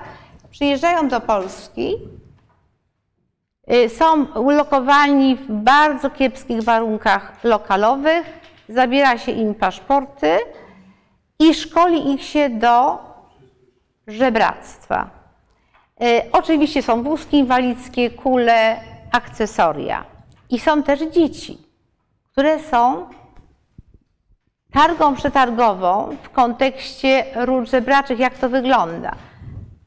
Ja dostaję pani dziecko, pani dostaje moje dziecko. Ja jadę z pani dzieckiem do Gdańska, pani z moim do Poznania. Jeżeli wydasz nas, no to dziecka nie zobaczysz, tak? A druga karta przetargowa, ona nigdzie nie ucieknie, bo przecież mamy jej dziecko, tak? Mamy jej dziecko. I tak to działa. E, I tutaj no, absolutnie, proszę Państwa, musimy rozdzielić oczywiście e, te osoby, których bieda prawdziwa zmusiła do wyjścia na ulicę od oczywiście wszystkich działań oszukańczych, włącznie ze zorganizowanymi grupami do przestępczości żebraczej, czyli handlu ludźmi do żebractwa. Ja chciałam powiedzieć, że e, badania też przyczyniły się do zmiany w kodeksie karnym, bo w tej chwili w kodeksie karnym w definicji handlu ludźmi mamy również, proszę Państwa, zwrot handel do żebractwa. Organizowanie handlu do żebractwa, handlem dorosłymi dziećmi do żebractwa i werbowanie do żebractwa.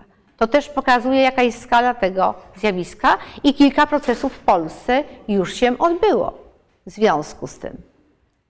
Dziękuję bardzo. Pani e, profesor Golczyńska-Grondas przez telefon zada Dobrze. pytanie. Ja e, włączę głośnik. O, już teraz słyszymy, tak, teraz słyszymy, Panie Profesor.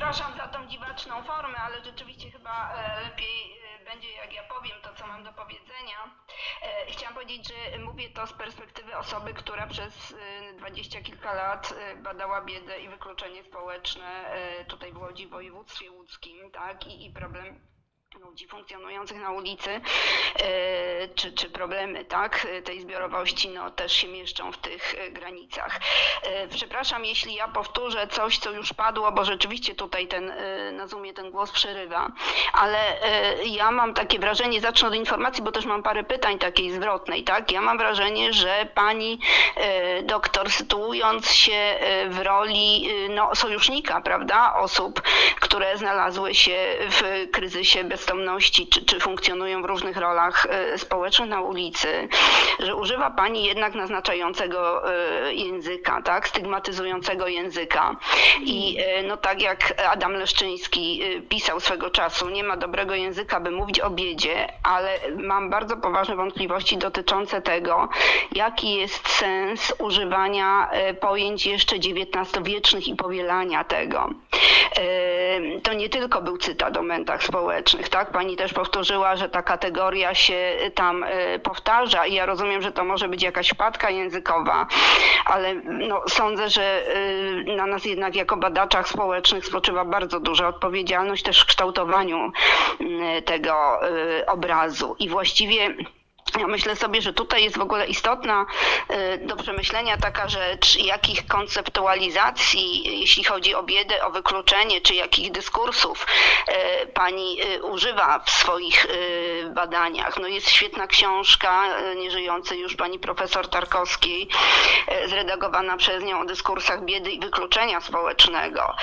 Z tych dyskursów wynika też określony sposób patrzenia na problem i określony zestaw praktyk, y, który się y, proponuje. Myślę, że to jest ważne, bo chyba też pani y, prowadzi zajęcia tak, dla osób, które no, zajmują się mm, pomaganiem zawodowym dla pracowników socjalnych, więc. To jest trochę takie pytanie, trochę sugestia o taką ramę konceptualizacyjną i teoretyczną.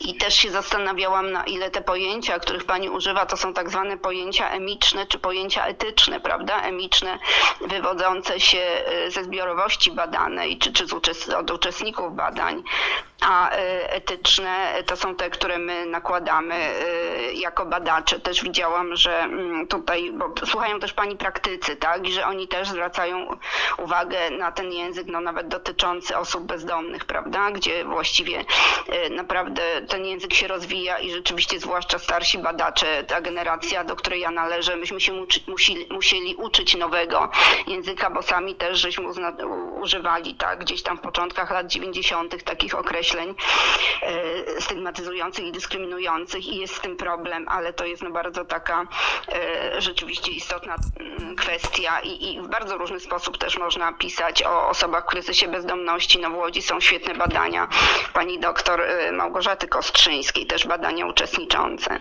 A z takich pytań, y, które właściwie mam, tak, to y, pani się posługuje takim pojęciem pełnego wywiadu. Ja w ogóle nie rozumiem, co to y, znaczy, jakie to jest narzędzie, czy to jest jakiś wywiad biograficzny, czy to jest wywiad środowiskowy i to jest takie pytanie dotyczące metodologii. I też właściwie mam takie pytanie dotyczące kwestii etycznych, tak, na ile taka refleksja etyczna e, nad prowadzeniem badań gdzieś tutaj jest dla Pani istotna, bo no, myślę sobie też o tym wcieleniu się e, w rolę e, osoby żebrzącej, tak, czy, czy to był jakiś rodzaj obserwacji uczestniczącej ukrytej, czy, czy tutaj właśnie nie miała Pani jakichś też wątpliwości etycznych, na przykład zastosowaniu tego ty- typu techniki, ale no, jest to też takie generalne pytanie, tak, dotyczące tej etyczności tych badań, więc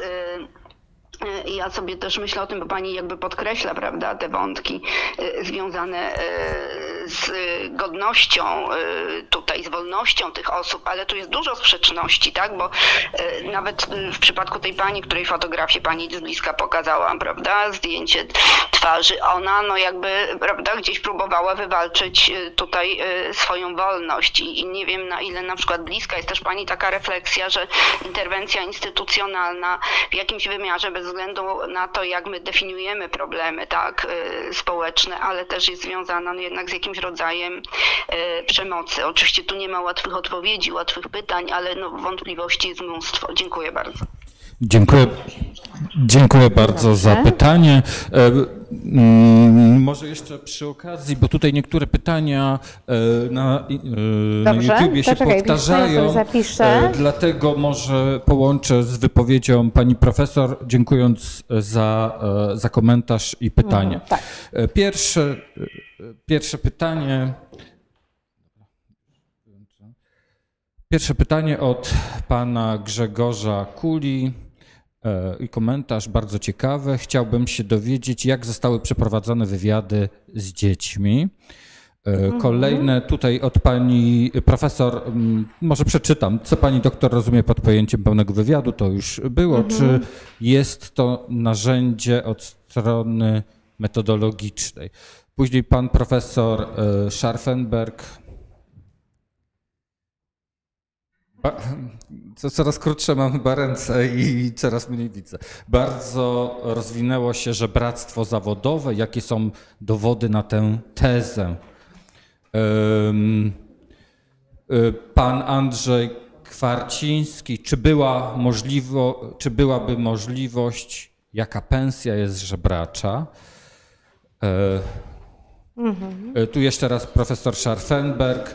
Właśnie, może problemem są jałmużnicy, a nie żebracy. I może, może na tyle e, poprzestanę, za chwileczkę jeszcze dwa komentarze e, przeczytam. Dobrze. Dobrze, proszę Państwa, więc postaram się po kolei. E, Wywiad, co ja rozumiem przez wywiad, wywiad niepełny? Wywiad niepełny to były wywiady, które nie dawały mi odpowiedzi na pytanie na tyle satysfakcjonujące, żeby przenieść wywiad na kwestionariusz wywiadu.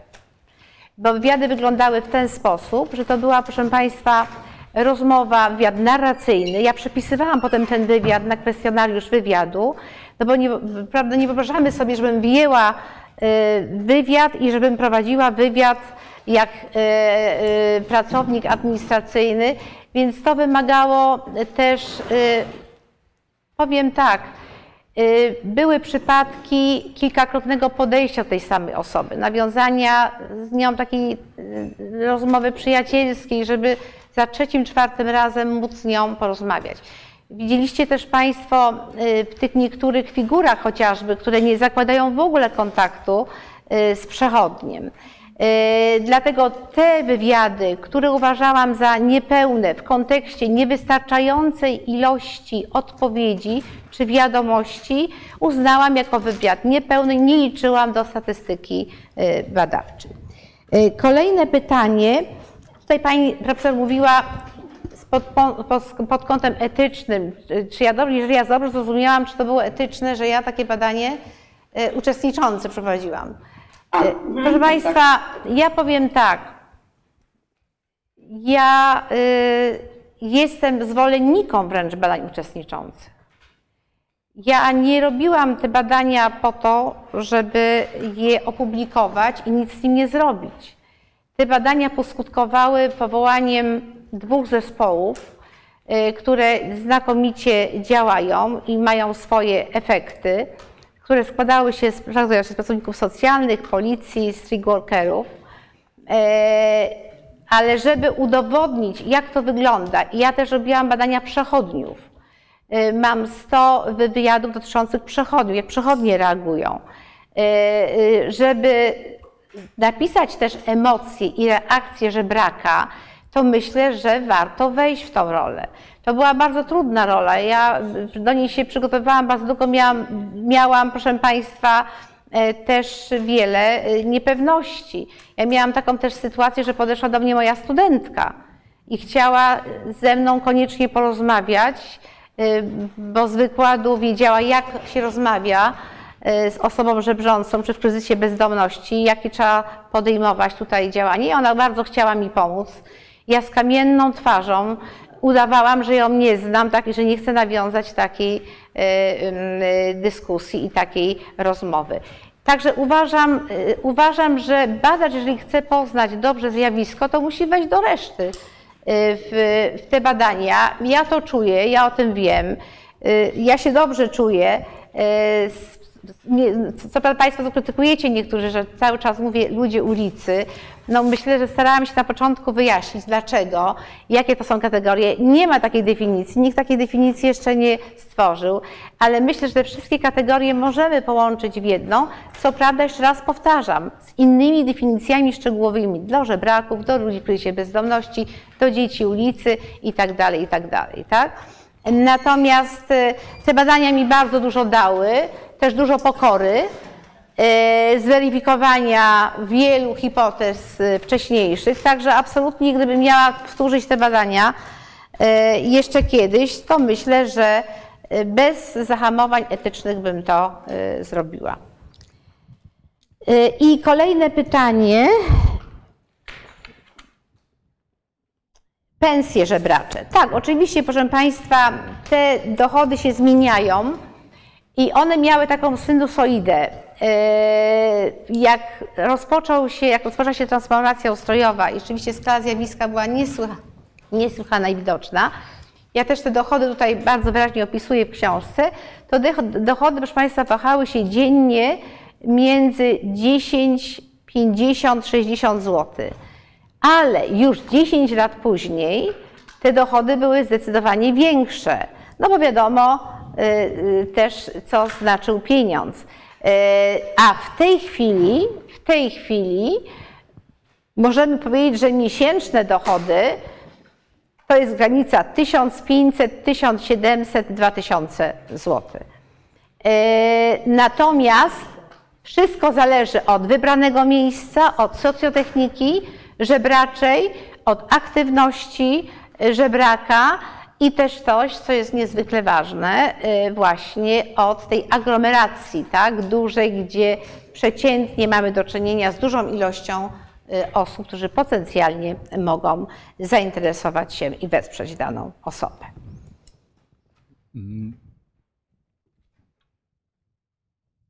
Tutaj jeszcze pani profesor Tak. Halamska się zgłaszała. Bardzo proszę o i, i Ruta.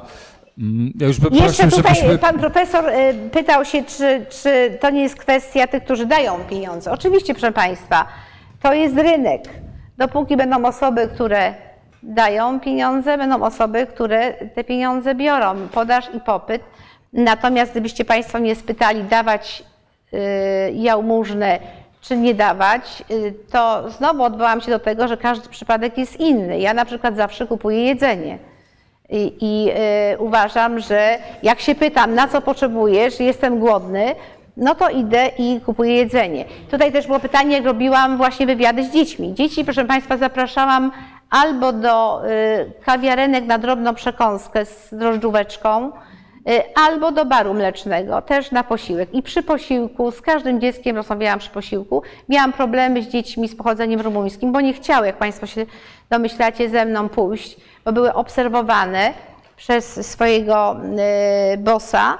Y, Natomiast w kilku przypadkach udało mi się y, dzieci rumuńskie również zaprosić na herbatkę i ciacho i tam się odbyła y, rozmowa, ale również dotarłam, ale również dotarłam y, do y, w Poznaniu, y, Sławku na pewno znasz dzielnicę na Ramowice, Tam bardzo wiele żebraków rumuńskich koczuje i tam mi się udało też do tej dzielnicy pójść i te wywiady z nimi również przeprowadzić. Wszystko zawodowe, ta cała grupa to zawodowi żebracy. Dziękuję bardzo pani profesor Halamska i później e, pani doktor Ruta Śpiewak i bym bardzo prosił e, Dominika jako ostatnia i więcej. Słucham? Nie wiem, nie wiem, czy to jest włączone. Tak, jest włączone.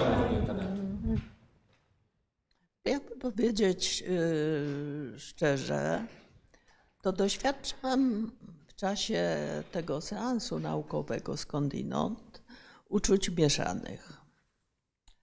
Yy, dlatego, że być może wynika to z naszego skrzywienia profesjonalnego, że jesteśmy jednak przywiązani do pewnych ram metodologicznych wystąpienia. Tutaj padło pytanie takie, na które Pani chyba nie odpowiedziała. Jaką dyscyplinę Pani reprezentuje w tych badaniach? Ponieważ każda dyscyplina ma pewien zespół paradygmatów, do których, które pozwalają umieścić dane zjawisko.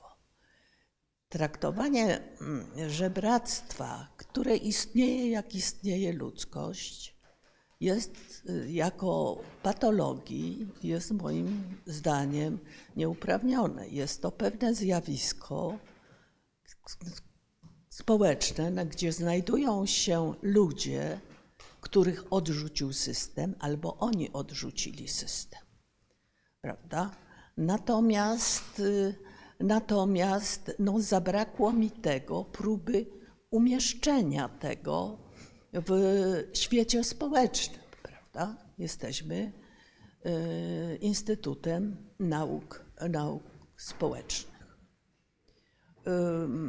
Osobiście mam takie wątpliwości także metodologiczne. Co to znaczy 400 wywiadów przez 30 lat? To są obserwacje, prawda? Czy zmieniła się problematyka? Przecież zjawisko się zmieniało w ciągu tych 30 lat jaki był schemat tej rozmowy. No, cała kuchnia metodologiczna i potem, i potem, które z braku jej przedstawienia zrodziło się bardzo wiele pytań, na które ja nie na wszystkie pani odpowiedziałam. I ostatnia rzecz, mm, która mnie osobiście y, Pani skoncentrowała się na ciekawostkach. Ja myślę, że takie ciekawostki każdy z nas mógłby ze swoich kontaktów z tym światem pozasystemowym mógłby opowiedzieć. Natomiast, jakby powiedzieć, poszukiwała Pani pra prawidłowości bez ram tych dyscyplinowo-metodologicznych, bo one pomagają. To nie, że one ograniczają. I jeszcze może to, że nie wiem, czy jak pani robiła zdjęcie tej pani w namiocie, to mówiła, proszę pani, ja będę to zdjęcie umieszczać w książce swoim, może w piątym wydaniu, albo, albo będę prezentować na seminariach. Przypomniało mi to taką starą książkę. Znalazłam ją w domu rodzinnym na strychu która nie miała początku ani końca, ale był to jakiś podręcznik higieny czy czegoś takiego i tam były zdjęcia różne. Na przykład było zdjęcie podpisane typy kretynów spod Nowego Targu, a potem było następne zdjęcie e, dziecina obrzucona wrzodami. I proszę się zastanowić, czy to na, na pewno było fair wobec tej pani z takimi wyraźnie pokazaną twarzą i czy pokazanie jej twarzy było konieczne. Dziękuję bardzo. Dziękuję bardzo, Ruta. Ja mam tylko e, pytanie, e, czy w związku z falą migracji pojawiły się nowe grupy uchodźcze i nie chodzi mi tylko o uchodźców ukraińskich, ale też uchodźców z, z, za białoruskiej granicy. Dziękuję bardzo. I ostatnie pytanie. Dominika Zwęglińska-Gałecka. Pani dziękuję. doktor Dominika Zwęglińska-Gałecka. No do jutra jeszcze nie. Ja chciałabym zapytać o sformułowanie, które pojawiło się w Pani prezentacji, że bractwo jako styl życia. Chciałabym zapytać, czy zdefiniowała w ogóle Pani, w jaki, w jaki, albo w jaki sposób zdefiniowała Pani styl życia, jakie elementy tego stylu życia Pani analizowała. W badaniach właśnie nad stylami życia mówi się o czynnościach użytecznych, które właśnie wpisują się w styl życia i o tych Pani trochę po, powiedziała, a mnie interesuje to, czy, czy udało się Pani zidentyfikować jakieś e, czynności, które mogą świadczyć o podmiotowości, o tożsamości osób pozostających e, w kryzysie. I też mam pytanie o kuchnię, ponieważ przy figurze ofiara losu powiedziała Pani, że sprawdziliście Państwo życiorys tej osoby i e, chciałabym się dowiedzieć, jak, jak to zrobiliście. Dziękuję. Dobrze. Dziękuję bardzo za pytania i proszę o odpowiedzi. I Pierwsza odpowiedź pytań. e, do pani profesor. Pani profesor, myślę, że gdybym nie pokazała figur żebraczych w taki sposób, to prawdopodobnie byłby zarzut, na czemu, e, że tak powiem, badacz e, nie pokazuje tej figury. Można oczywiście opowiedzieć o tej figurze. E, W różnych książkach naukowych spotykamy wiele fotografii. W książkach medycznych, w książkach socjologicznych. I myślę, że tutaj y, absolutnie się nie zgadzam z tym, że współcześnie, przy współczesnej technice i przy y, zgodzie tych osób, y, te figury też mają służyć nauce, tak? Mają pokazać pewną specyfikę funkcjonowania e, y, problematyki, y, o której mówi. Równie dobrze myślę, że, że y, byłby zarzut, dlaczego właśnie tych figur pani nie zbadała, nie dotarła do nich, nie ma pani w swoim archiwum i tak dalej. Nie, wydaje mi się to też takie troszeczkę, y, proszę Państwa, y, bardzo dużo tu pada takich elementów etycznych, y, które w międzyzdaniu chcą mi powiedzieć, że tak naprawdę no, te badania poruszają to bardzo prywatną sferę. Tak, te badania poruszają bardzo prywatną sferę, bo właśnie wrócę do tego, co była uprzejma pani doktor powiedzieć, bo funkcjonowanie i badanie w ogóle stylu życia człowieka, jeżeli na to spojrzymy z punktu widzenia socjologii, y, y, jest pewnym badaniem y, tej prywatności. Ale chciałam jedną rzecz powiedzieć. Proszę Państwa, wiele badań się robi do szuflady, tak? I publikuje się wiele prac naukowych, które tak naprawdę nie zmieniają rzeczywistości. Natomiast y, dzięki tym badaniom udało się pokazać skalę zjawiska, specyfikę, kim są ci ludzie, skąd przybywają i przede wszystkim podjąć działania naprawcze, działania pomocowe.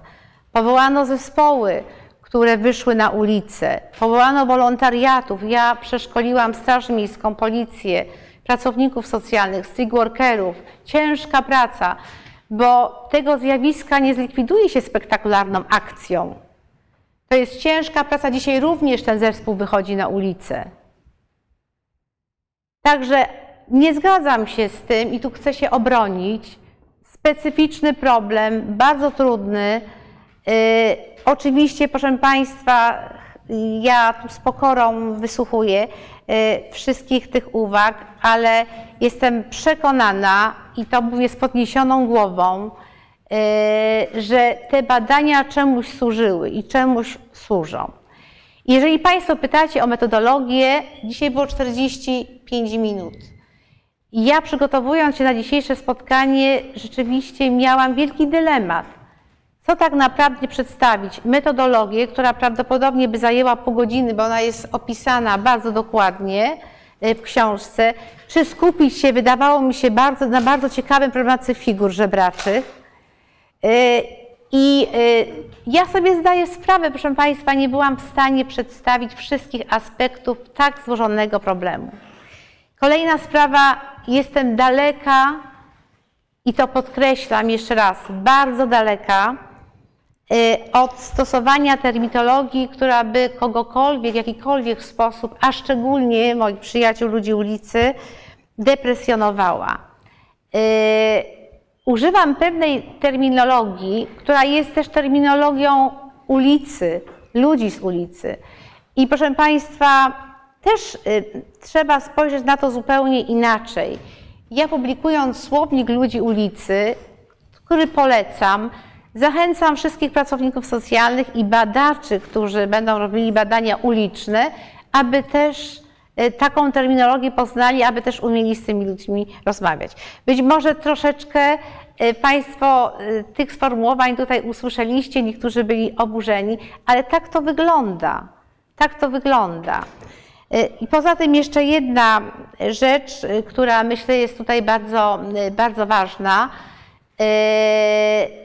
Owszem, badania są, powiedziałam to na początku, y, rozprzestrzenione w poszczególnych latach, ale dlatego kolejne wydania, uzupełnione i rozszerzone, pokazujące, jak ewaluowało żebractwo w 2006, w 2015 i tak dalej, i tak dalej. Y, Powiem Państwu tak, y, mogłam oczywiście skończyć na tych pierwszych badaniach, ale właśnie dlatego nie skończyłam, bo widziałam, jakie są zmiany, jak to się zmienia, jak warto zrobić te badania porównawcze, jak warto, że tak powiem, ten problem jeszcze diagnozować. Może to wynikało, to przepraszam Pani Profesor, może wynikało to z, tutaj powiadam, z braku czasu.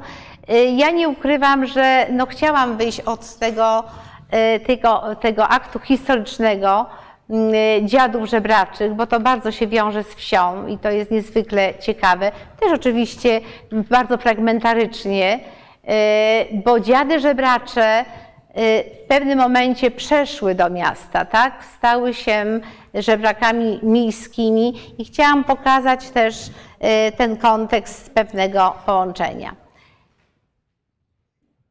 Jeszcze pytania, tak? Styl życia, tak. Pani doktor o styl życia pytała, tak? O imigrantów, tak, przepraszam bardzo. Tak, y, więc pojawiły się grupy imigrantów, już Państwu powiem. y, Są żebrzący w Polsce Białorusini, są żebrzący w Polsce Ukraińcy i bardzo pojedyncze osoby z krajów również y, afrykańskich. To są bardzo pojedyncze osoby, bardzo pojedyncze osoby. Y, Eteria. Natomiast jeśli chodzi o grupę białoruską, to jest dość spora grupa. Y, Ja tutaj też procentowo ją, ją podaję. Y, I jeszcze jedna uwaga, y, a mianowicie jeśli chodzi o y, Białorusinów, y, też tutaj obserwujemy zorganizowane grupy do żebractwa, zorganizowane zawodowe grupy do żebractwa. Ja myślę, że ta migracja będzie jeszcze większa, to nie ulega wątpliwości. Y, Chciałam, proszę Państwa, zwrócić uwagę na, mm, mówiłam tutaj też o tej grupie osób, które opuściły zakłady karne, prawda, które też są w kryzysie nieraz y, bezdomności. Y, Chciałam powiedzieć, że my mamy w tej chwili bardzo dużą grupę też Ukraińców w zakładach karnych, jako druga grupa narodowościowa po Polakach. I tutaj też trzeba przygotować działania resocjalizacyjne i readaptację społeczną, y, ponieważ, y, tak jak powiedziałam, no, trzeba zapobiegać, trzeba przeciwdziałać pewnym zjawiskom. Więzienie jest na określony czas, wychodzą i muszą być, przepraszam, że znowu powiem, y, językiem pracowników socjalnych zagospodarowani, tak? Muszą być włączeni do y, społeczeństwa. Jeszcze Dominika pytała o styl. Tak, tak. Styl życia, definiowanie, tak. To, proszę Państwa, to po- pojęcie stylu życia też nie bierze się oczywiście z analiz y, jednostkowych. To są wnioski wynikające z długoletnich badań, gdzie zaobserwowałam, że bycie na ulicy, tak, czy bycie w kryzysie bezdomności, czy bycie zawodowym żebrakiem, y, kreuje y, pewien styl życia związany chociażby y, z zagospodarowaniem tego miejsca, gdzie się w cudzysłowie pracuje od godziny 8 do godziny 15 czy od godziny 10. To jest na przykład tworzenie spółdzielni socjalnej, jako pewnie też e, żebraczych spółdzielni socjalnych, które polegają na tym, że trzy osoby e, na zmianę w tym samym miejscu e, działają i tworzą grupę. Też pewien styl funkcjonowania, ponieważ tam jest szef, e, tam jest struktura organizacyjna tej grupy, ale również funkcjonowanie w kontekście oddziaływań takich społecznych, tak? Bo jeżeli my styl życia rozumiemy jako funkcjonowanie danego człowieka w kontekście e, i potrzeb, i bycia tu i teraz, i oddziaływania również całego społeczeństwa, to absolutnie możemy powiedzieć, że e, dla niektórych osób żebrzących jest to absolutnie styl życia. Bardzo dziękuję e, za odpowiedzi. Jak bardzo to kontrowersyjny e, temat e, można No było zauważyć zarówno po liczbie pytań, jak i pojawiających się komentarzy na Zoomie czy też na YouTubie. Ja wszystkich przepraszam, wszystkich, wszystkie osoby, których pytań nie zdążyłem zadać. Przekażę na pewno pani doktor do. Postaram się do może skontaktować, in- tak. Dokładnie. Bardzo dziękuję e, za, myślę, bardzo wyczerpujące e, seminarium. Mnóstwo pytań, mnóstwo pytań się rodzi, mnóstwo jeszcze pewnie by, byśmy chcieli uzyskać odpowiedzi, co świadczy o tym, że jest dalsze pole do badań, do poszukiwania rozwiązań, do poszukiwania e, pewnych zależności albo też tych, tej ewolucji e, tych figur czy, czy zachowań osób e, utrzymujących się z jałmużny. Jeszcze raz bardzo dziękuję za przyjęcie e, zaproszenia. Dziękuję Państwu za tak e, liczne pytania i komentarze. I wszystkiego dobrego w nowym roku. A ja też Państwu bardzo, bardzo serdecznie dziękuję za e, wszystkie pytania. Przepraszam, że być może nie wszystkich usatysfakcjonowałam odpowiedziami ze względu też na czas, ale e, rzeczywiście, tak jak powiedział Pan Profesor, temat jest niezwykle, proszę Państwa, tematem otwartym, budzącym. Jak tutaj było widać również na dzisiejszej sali, wiele emocji i tych pozytywnych, i tych negatywnych, bo taka jest ulica. Ulica jest mekką doświadczeń badawczych i myślę, że dzisiejsze spotkanie będzie inspiracją rzeczywiście do dalszych badań, refleksji i przemyśleń. Bardzo Państwu i serdecznie dziękuję. Ba bardzo dziękuję. A jeszcze mi przyszła na koniec anegdota. Nasz znajomy Janusz, świętej pamięci, nie będę tutaj mówił nazwiska, który przez e, długi czas żył na ulicy, był e, Tak, z Barki, tak. e, nasz wspólny znajomy, Tak który s, em, przez nie, nie pamiętam, 15 lat był osobą e, bezdomną, e, żebrzącą. I z którym też przeprowadzałam wywiad na dworcu, tak. Pamiętam, że jak przyszedł na pierwsze spotkanie, na którym było e, mowa o, e, o osobach żebrzących, to e, przyszedł tak bojowo nastawiony, że będzie e, mm, dawał kontry i w pewnym momencie powiedział Pani doktor, pani mówi naszym językiem. Ja pamiętam, to było prawie 20 lat temu, Tak. kiedy to Janusz e, powiedział. Mówi pani naszym językiem i, i podziękował za to. Tak, i podziękował i proszę Państwa, skontaktował mnie z szefem żebraków na dworcu poznańskim, bo nie mogłam dotrzeć do niego, żeby poznać właśnie życie i strukturę żebraków yy, poznańskich i również tych, tych w kryzysie bezdomności na dworcu i za to yy, jestem mu bardzo wdzięczna, bo bardzo wiele ciekawych wywiadów przeprowadziłam i też mogłam zrobić badania dotyczące słownictwa ludzi w kryzysie bezdomności. Także wspominamy yy, bardzo serdecznie. Dziękuję bardzo. Dziękuję Państwu. Dziękuję serdecznie.